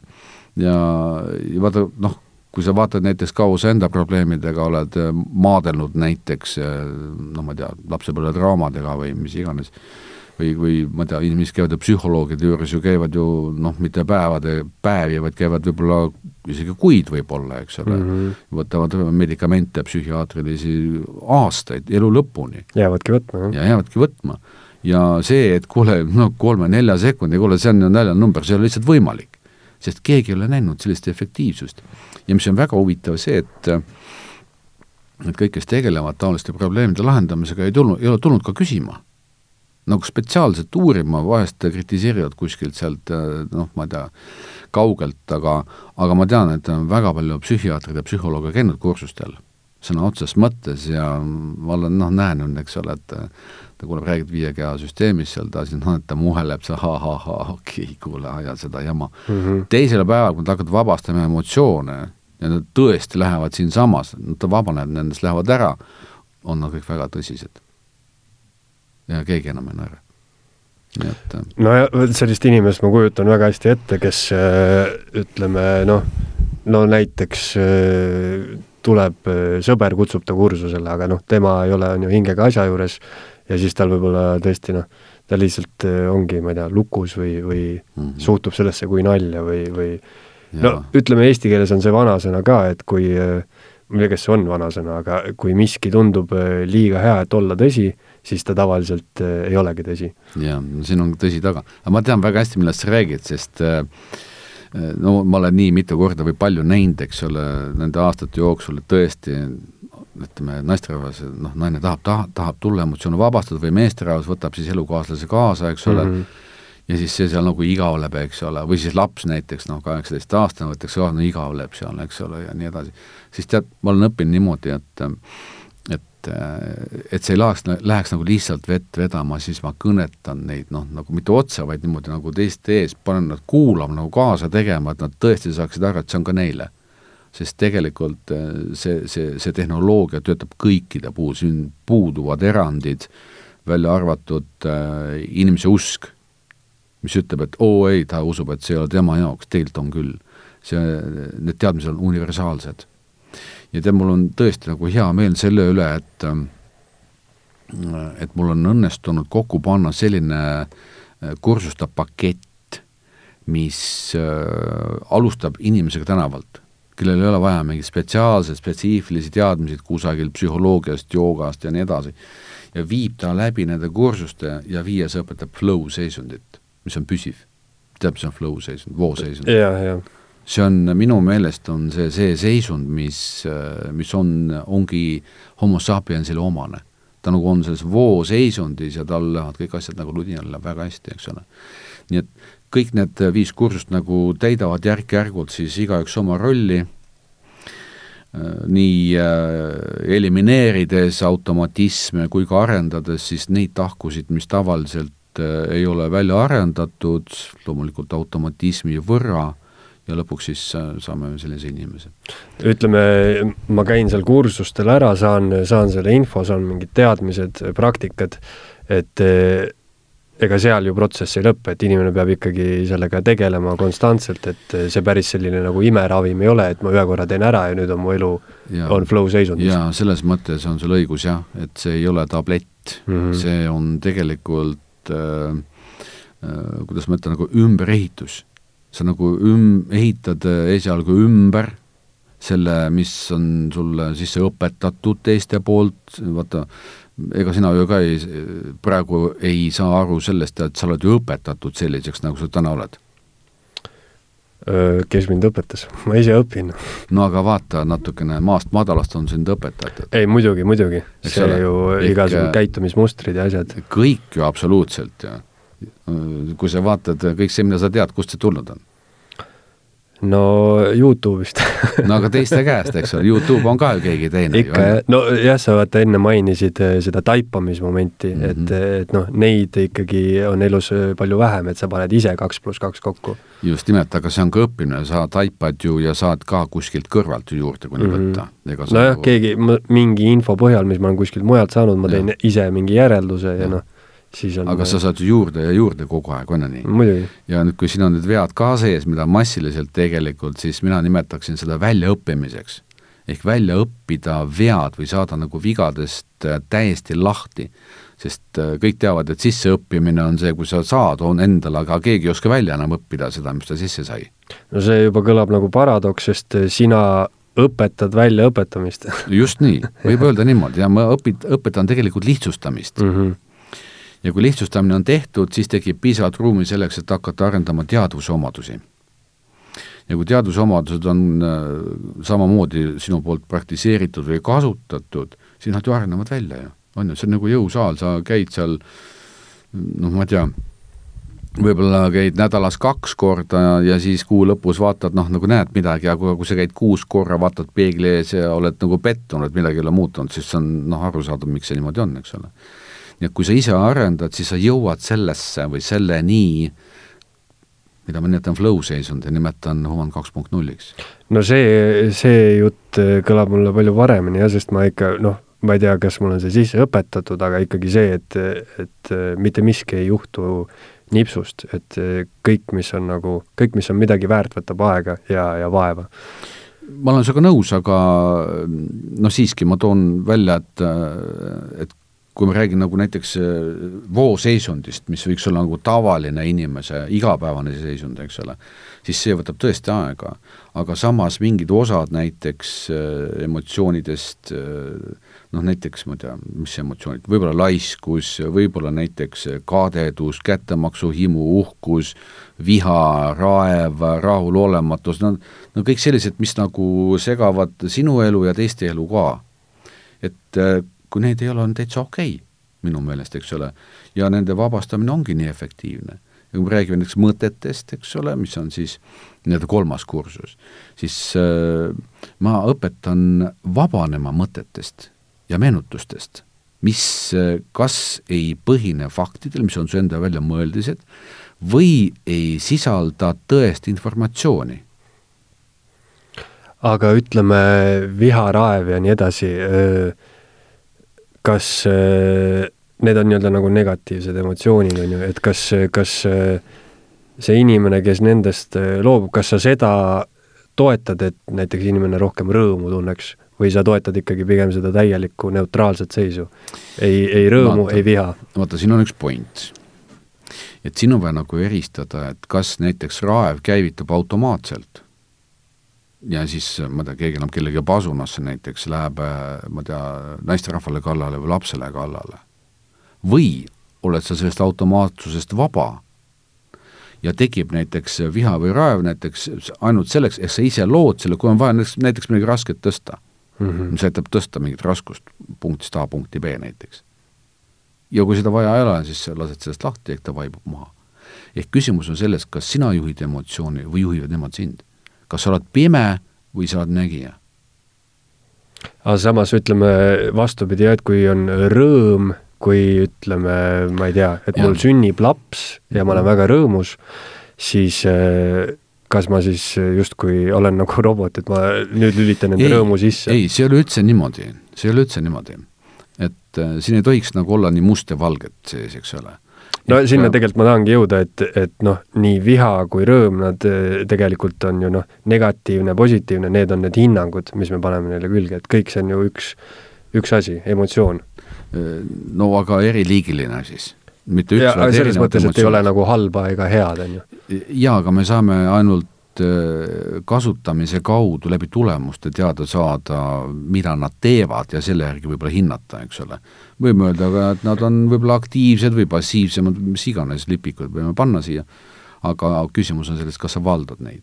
kui nüüd positiivsetest rääkida, siis äh, positiivsetest saab ka vabaneda, kui on tarvis, sest tehnoloogia on üks ja seesama vahet ei tee, kas nad on head või mm -hmm. halvad, inimene ise teeb vahet, kas ta nüüd jätab või ei jäta.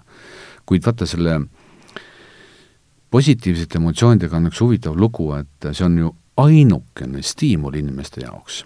See on jah see, mis äh, tihtipeale teebki efektiivseks. jaa, aga samas, kui sa vaatad emotsiooni, siis emotsioon ise on ju rumal no see on hinnang emotsiooni aga ma, kuule, aga see on väga lihtne küsimus, no kui sa siin palusid natuke illustreerida, mida me kursustel teeme, siis näiteks selle tõe me paljastame, et emotsioon on rumal mm. -hmm. no palun, meenuta midagi, mis tekitab positiivset emotsiooni. nii. Tunned teda, jah? küsi, küsi selle tunde käest, sest see on emotsioon, palju on üks pluss üks ja ära mõistusega vasta, emotsioon vastab jah, selles mõttes küll, et noh, emotsioon ma ei küsikski emotsiooni käest seda. no jaa, aga sest äh, sa pole noh, nagu kunagi vaadanud asja niimoodi. sest mm -hmm. kui sa ütled, et positiivne emotsioon juhib ja aitab äh, läbi viia häid asju, siis ei ole päris niimoodi. no on ka selline mõiste olemas nagu nii-öelda emotsionaalne tarkus, et sa oled emotsionaalselt tark. Vaata seda, seda sellesse sa ei usu? see on natuke imelik, sest kui emotsioonid ja palju on üks pluss üks, siis äh, noh, tekib küsimus, kus ratsionaalne pool on mm. -hmm. muidugi ma saan väga hästi selgelt aru, et äh, ma võin äh, näiteks kasutada erinevates olukordades erinevaid emotsioone, aga ma valin selle oma teadusomadusi kasutades. mitte, et emotsioon valib seal, mina valin emotsiooni ja siis ma etendan seda. Siis on see okei okay. aga mis sellesse headusesse puutub, siis vaata, kõik stiimulid mida inimesed kas ise panevad endale nagu üles või, või ükskõik kust nad tulevad, nad on enamasti kõik positiivsed, kui just hirmuga tegemist pole, eks ole. ja see on nagu tõesti nagu see kõige kõrgem asi, eks ole, mille poole inimesed pürgivad. ja seda saab, saab ka ära kasutada heas ja halvas ja nii edasi, nii edasi, nii edasi, eks ole, kuid on üks tundmatu hea asi, mis sisuliselt äh, võiks öelda, on kogu aeg, kogu aeg jäänud märkamatuks ja täna ma võiks isegi öelda niimoodi, et et positiivsed emotsioonid on suunanud inimese, inimese enda teadmata otsingule, nimelt äh, püsiva õnnelikkuse otsingule. emotsionaalne õnnelikkus ei ole püsiv, oled pannud tähele? jaa, no emotsioonid on alati üles-alla. just nimelt tuleb, aktiveerub, kaob ära, eks ole, sul on vaja midagi teha, jälle ta aktiveeruks või keegi teine ja nii edasi, nii edasi, siit tulevad valikud, seltskonnad, ehk siit hakkab peale, peale alateadvuse programm, mis äh, valib äh, seltskonna, valib inimesed nii-öelda ohtliku ehk valu ja mõnude vahel. kaunis primitiivne, aga töötab sada protsenti, siit tulevad siis kõik meie väärtused ja mitteväärtused. aga tulles tagasi selle tegeliku mina juurde no kui ma küsin sinu, sinu käest näiteks niisuguse küsimuse, kas sa oled olemas? olen. no kuidas sa tead seda? no tunnen füüsiliselt, et ma siin eksisteerin. kui sa tunned füüsiliselt, tunned sa füüsilist keha? jah, ja selle füüsilise kes, kes on see, kes tunneb seda? no see on, see on siis minu vaim. sinu vaim, aga kes sa ise oled? ma olen nende kooslus. aga tunne ennast tunne enda olemasolu. noh, praegu siinsamas, see ei võta palju aega. no tunnen. ole iseendana. no ma arvan, et ma olen. kuidas sa ennast tunned, kas sa tunned ennast äh, halvasti või hästi? praegu mitte kumbki.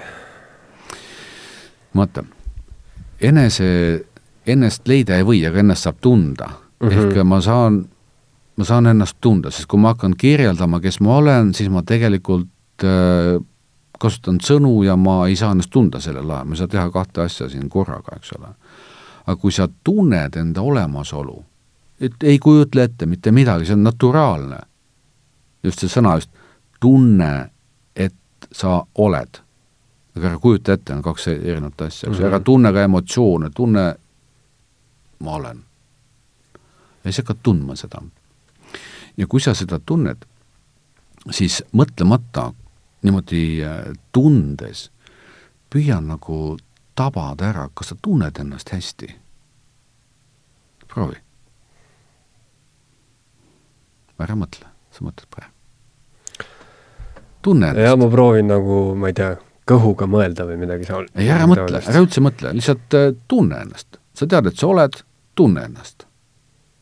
no ma tunnen päris hästi ennast praegu sa tunned nagu, okei okay., kas sa tunned midagi või ennast, seda, kes tunneb? ma tunnen äh, midagi, mis on mu sees. aga see on seal kuskil keha sees, eks ole yeah.? aga siin on siis keegi, kes teab, et see on keha sees. ja see on sina, see oled sina no vot selle jaoks, et, et ma niimoodi päris, siis ma peaks olema vait, ma peaks olema Aa, tund aega istuma. sul on tingimused kuule, aga ma võin sind aidata natukene, tahad? teeme lihtsamalt natukene. see põhineb äh, igapäevasel elul.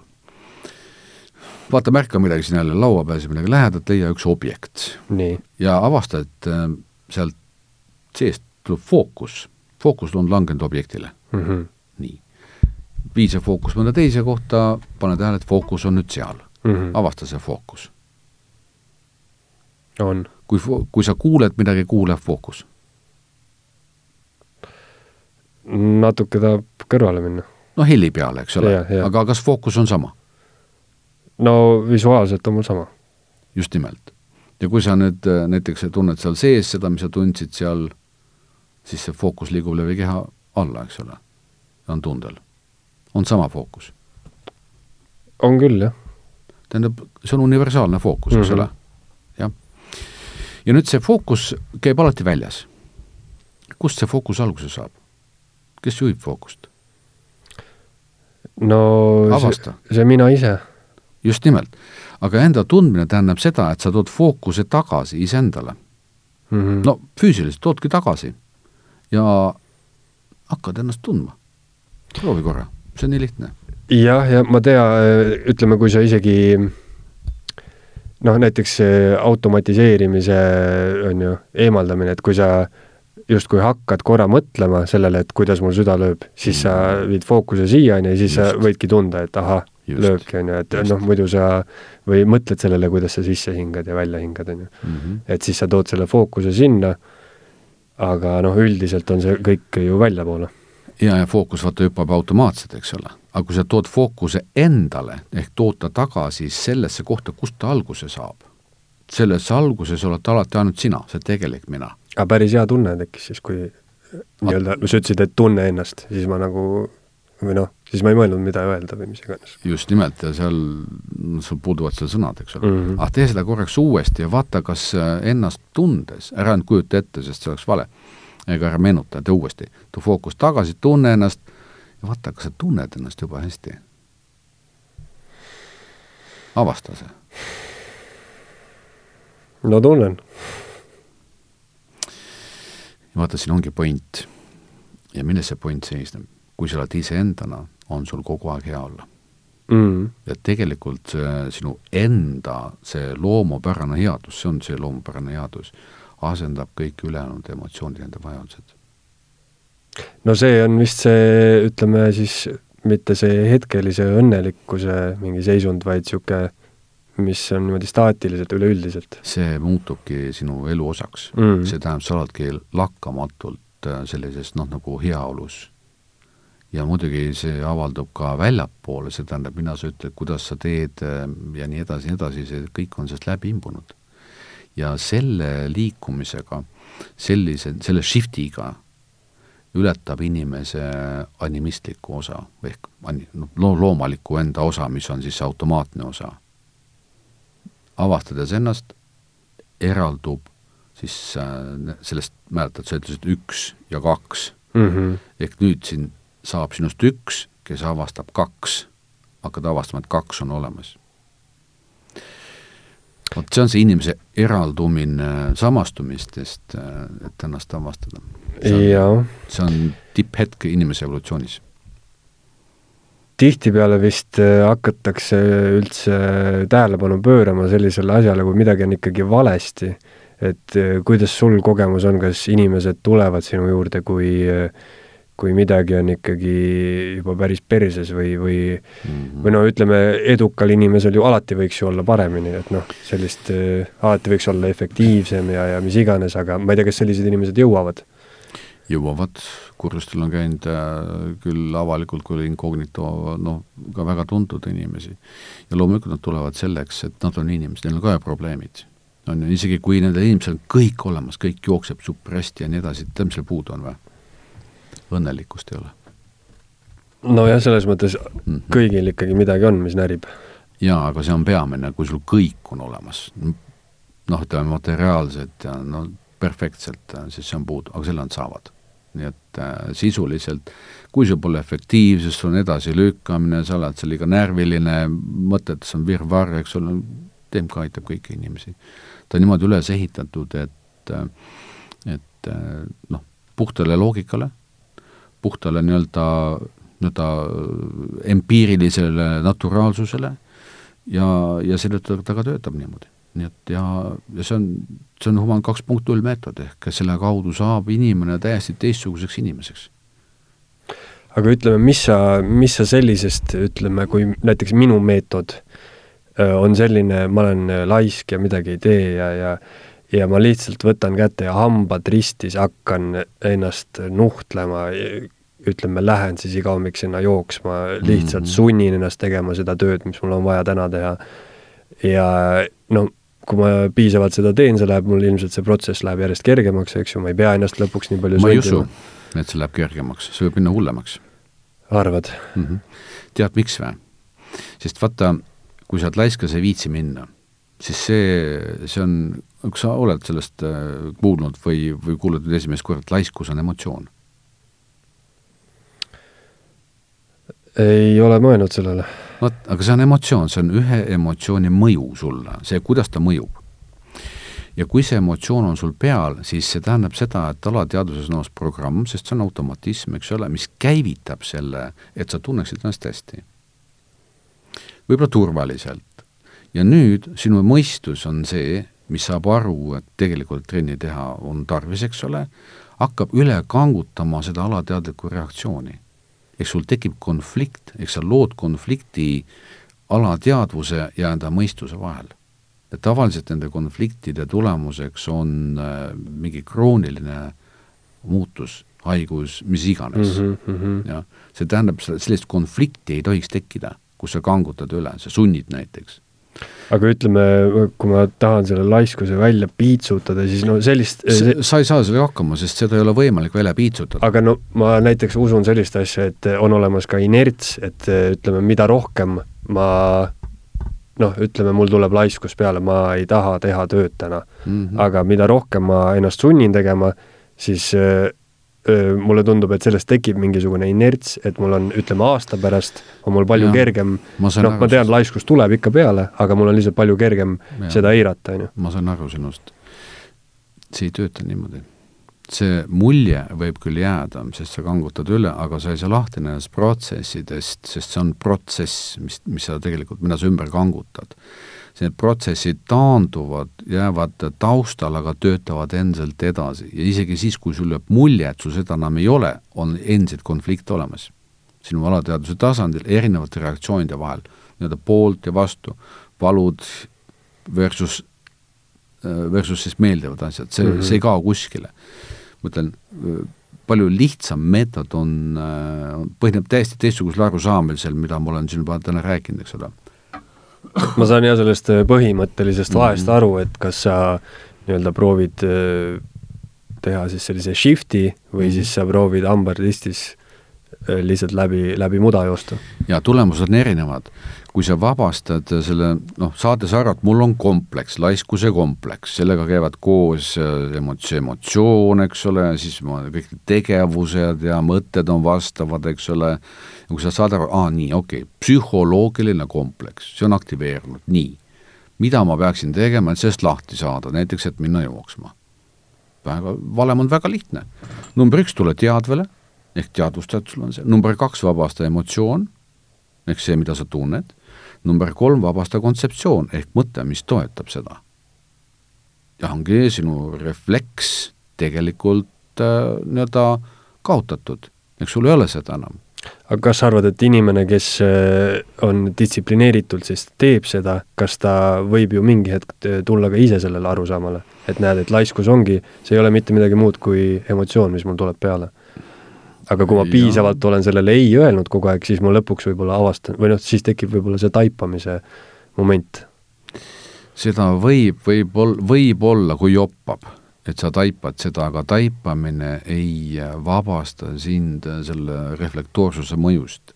sest ma tuletan sulle meelde, et, et nii-öelda psüühika, eks see psühholoogiline reaktsioonilisus eh, on eh, bioloogilise elu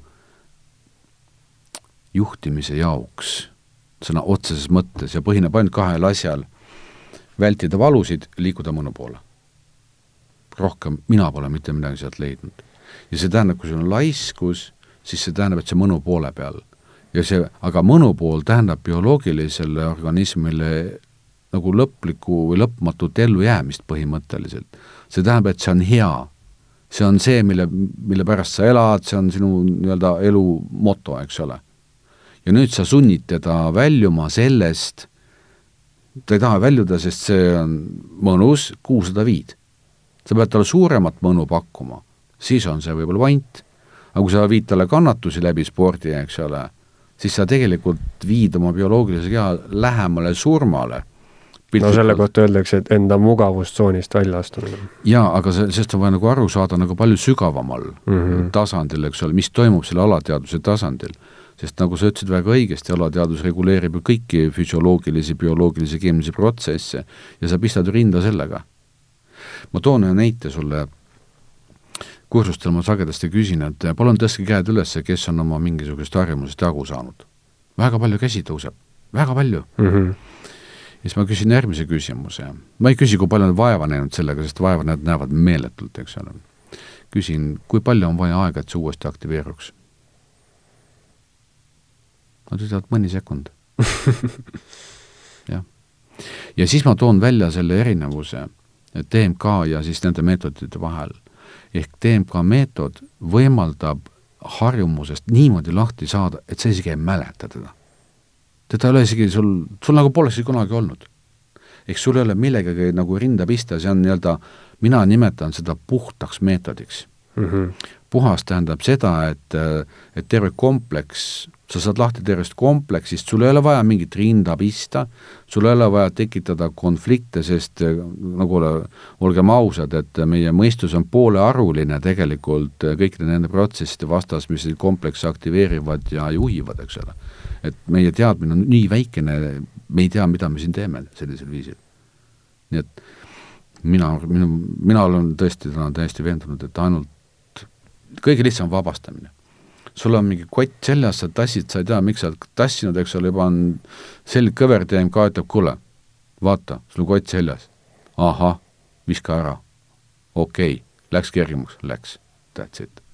see praegu just ma mõtlesin, selle jubedalt meenutab mulle, ma ei tea, kas sa oled kuulnud äh, meest nimega Alan Carr, kes äh, tegi maailma, juba seitsmekümnendatel vist kirjutas maailma kõige populaarsema suitsetamisest loobumise raamatu mm., mida on kõik mingid Hollywoodi staarid ja kes iganes kasutanud mm. -hmm. ja tal on ka hästi selline ütleme, võib-olla põhimõttelt äh, hästi sarnane sinu jutule, et, et kui noh, inimesed üldiselt jätavad suitsetamist maha, siis see on noh, jube raske protsess ja tahaks teha ja noh, pead, pead nüüd äh, seda distsipliini hoidma, et, et sa ei tee, eks ju mm. -hmm. aga et tema läheneb ka sellele hoopis teistmoodi, et et sa noh, terve selle raamatu jooksul ma ei ole ise seda lugenud, aga ta käsib sul suitsu teha ja siis lõpuks äh, selgitab sulle ära, et miks sa nagu ei tahagi ja siis sul lähebki meelest, et sa üldse kunagi olid suitsetaja mm.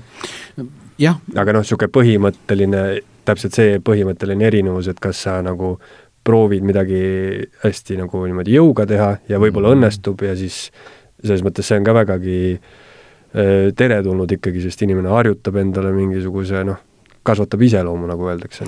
ma, mina mina ei tere, mina ei ütle teretulnud sellistesse, sellistele asjadele. sina sellesse ei usu, jah? ei, ma mitte ei usu, ma tean, et see töötab, aga see on vägivaldne. kui sa küsid, kelle suhtes sa siin vägivaldne oled? no füüsilise kea suhtes, mõtete suhtes, emotsioonide suhtes, mille suhtes sa vägivaldne oled? ma ise seda ei, ei ütleks, et see on vägivaldne, ma ütleks, et see on niisugune, niisugune meetod, mis lihtsalt, äh, sa pead ennast sundima. no aga keda sa sunnid? mina olen rohkem selline patsifist võib-olla mm, -hmm. et, äh, et äh, on noh, kuidas ma sulle ütlen, et no füüsiline keha koosneb elusrakkudest. kui ma sunnin rakke midagi tegema, okei okay,, ma saan tulemuse, millise hinnaga, ma ei tea. kui rakud teevad seda vabatahtlikult minu jaoks, minu arust on see hoopis midagi muud. see on umbes no, sama aga kui sa kui... sunnid rakke piisavalt kaua, siis lõpuks võib-olla nad teevad vabatahtlikult. no kuule, aga kui keegi sind sunnib piisavalt kaua midagi tegema, no vaata nagu tervikuna, sest iga no,, iga rakul on ka sama funktsioon tegelikult. ütleme jah, siis ta võib-olla on natuke vägivaldne. no ja loomulikult, kui sa oled vangilaagris näiteks piiratud olukorras, sind pannakse midagi tegema, no kuule, come on, eks ole. Aga... no ja kui sa kakskümmend aastat teed, siis lõpuks võetakse kõik sul ketid ja asjad ära, sa ikka teed. No võimalik jah, aga sa oled endiselt vang, eks sa oled mm invaliid tegelikult. Nii et kui sa nagu tood selle näite nagu olemata siis nagu vangis nagu siia ruumi, siis noh, on võimalik aru saada, mis sa tegelikult teed, eks ole, loodus, loodus ei ole tegelikult väga paljus üldse vägivaldne. aga ütleme, see, see skaala, see mõnu ja hirmu või valu skaala on ju, et noh, et kui ma ise seal proovin toimetada, siis äh, noh, proovingi enda distsipliiniga siis panna ennast natuke rohkem sinna valusse, on ju, et, et ma nagu harjuks sellega. aga mis siis, kas see skaala kaob täiesti ära DMK-ga? Jaa, põhimõtteliselt on see võimalik mm. -hmm. et sa ei lähene asjadele siis või noh, selles mõttes no mingisugusele sündmusele, mis elus juhtub, sa ikkagi ju, sa ju hindad seda, et kas see on negatiivne, positiivne, kas see on sulle kasulik, mitte kasulik?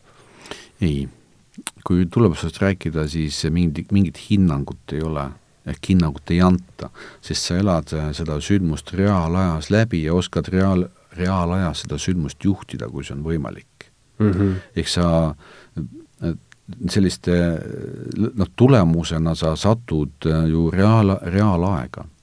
See on nagu see elu tegelikult toimub, eks ole. ja sa õpid eluga hakkama saama reaalajas, jooksvalt. siit tulebki see vooseisund. et sul ei ole mingeid pidurdusi siin äh, pidurdavaid faktoreid, mingisugused reageeringud, meeldetuletamise, ettekujutlemise, kõik need fantaasiad nagu ei juhi enam. sa muutud nagu noh, ma ütleksin nagu realistiks, kellel on -hmm. hea olla, sest ta kogeb iseennast, see on läbi-lõhki positiivne, kõik tehakse ära just praegu siinsamas on siis see siis mingi uue asja algatamine, läbiviimine, uue idee genereerimine, mingisuguse rutiini tegemine, ehk siin ei ole mingisugust nagu probleeme nagu tavaliselt, see kõik on nagu normaalne. ehk kõik need eluraskused, segadused, see kaob järjest ära. noh, ma ütleks, et see on nagu no kas, kas normaal. see kaob ära või sa oskad sellega siis lihtsalt ütleme kaob ära kaob äh,, kaob ära, sa ei diili sellega, sa ei topi seda kuskile, ei mõtesta ümber, ei, sa lihtsalt sa taandad, ehk äh, sa õpid välja, väljaõppimine tähendab mm -hmm. sõna otseses mõttes, et äh, kui sul on taskud pahna täis, siis sa võtad selle sealt kõik välja nii-öelda ja siis sorteerid, mida jätta, mida mitte jätta. seda, mida vaja ei ole, selle viskad välja, seda ei ole enam taskus. sa saad vabaks või lahti nendest reaktsioonidest. Neid ei olegi enam pärast. aga no ütleme, ütleme ärimees, kes on, kes harrastab TMK meetodit, ta on noh, selles mõttes shift'i ära teinud, eks ju mm. -hmm. ja, ja temaga, tema firma läheb pankrotti, see ei ole temast sõltuv turu, turuseis lihtsalt viib ta pankrotti, minule kui välisvaatlejale tundub see, et, et noh, ikkagi negatiivne sündmus talle või probleemne koht vähemalt, kuidas tema seda vaatab? kuidas ta läbi elab, sa tahad öelda või? tead, ma ei ole ühtegi sellist pankrotti läinud ärimeest näinud, kes on kursustel noh, käinud ja kes on, noh, keda ma peale seda nagu tunnen aga Martad on küllaltki neutraalsed mm. -hmm. ei pane silmust kaela endale ja ei hakka seal mingisuguseid jamasid korraldama, seal noh, jooma või ma ei tea mida, eks ole.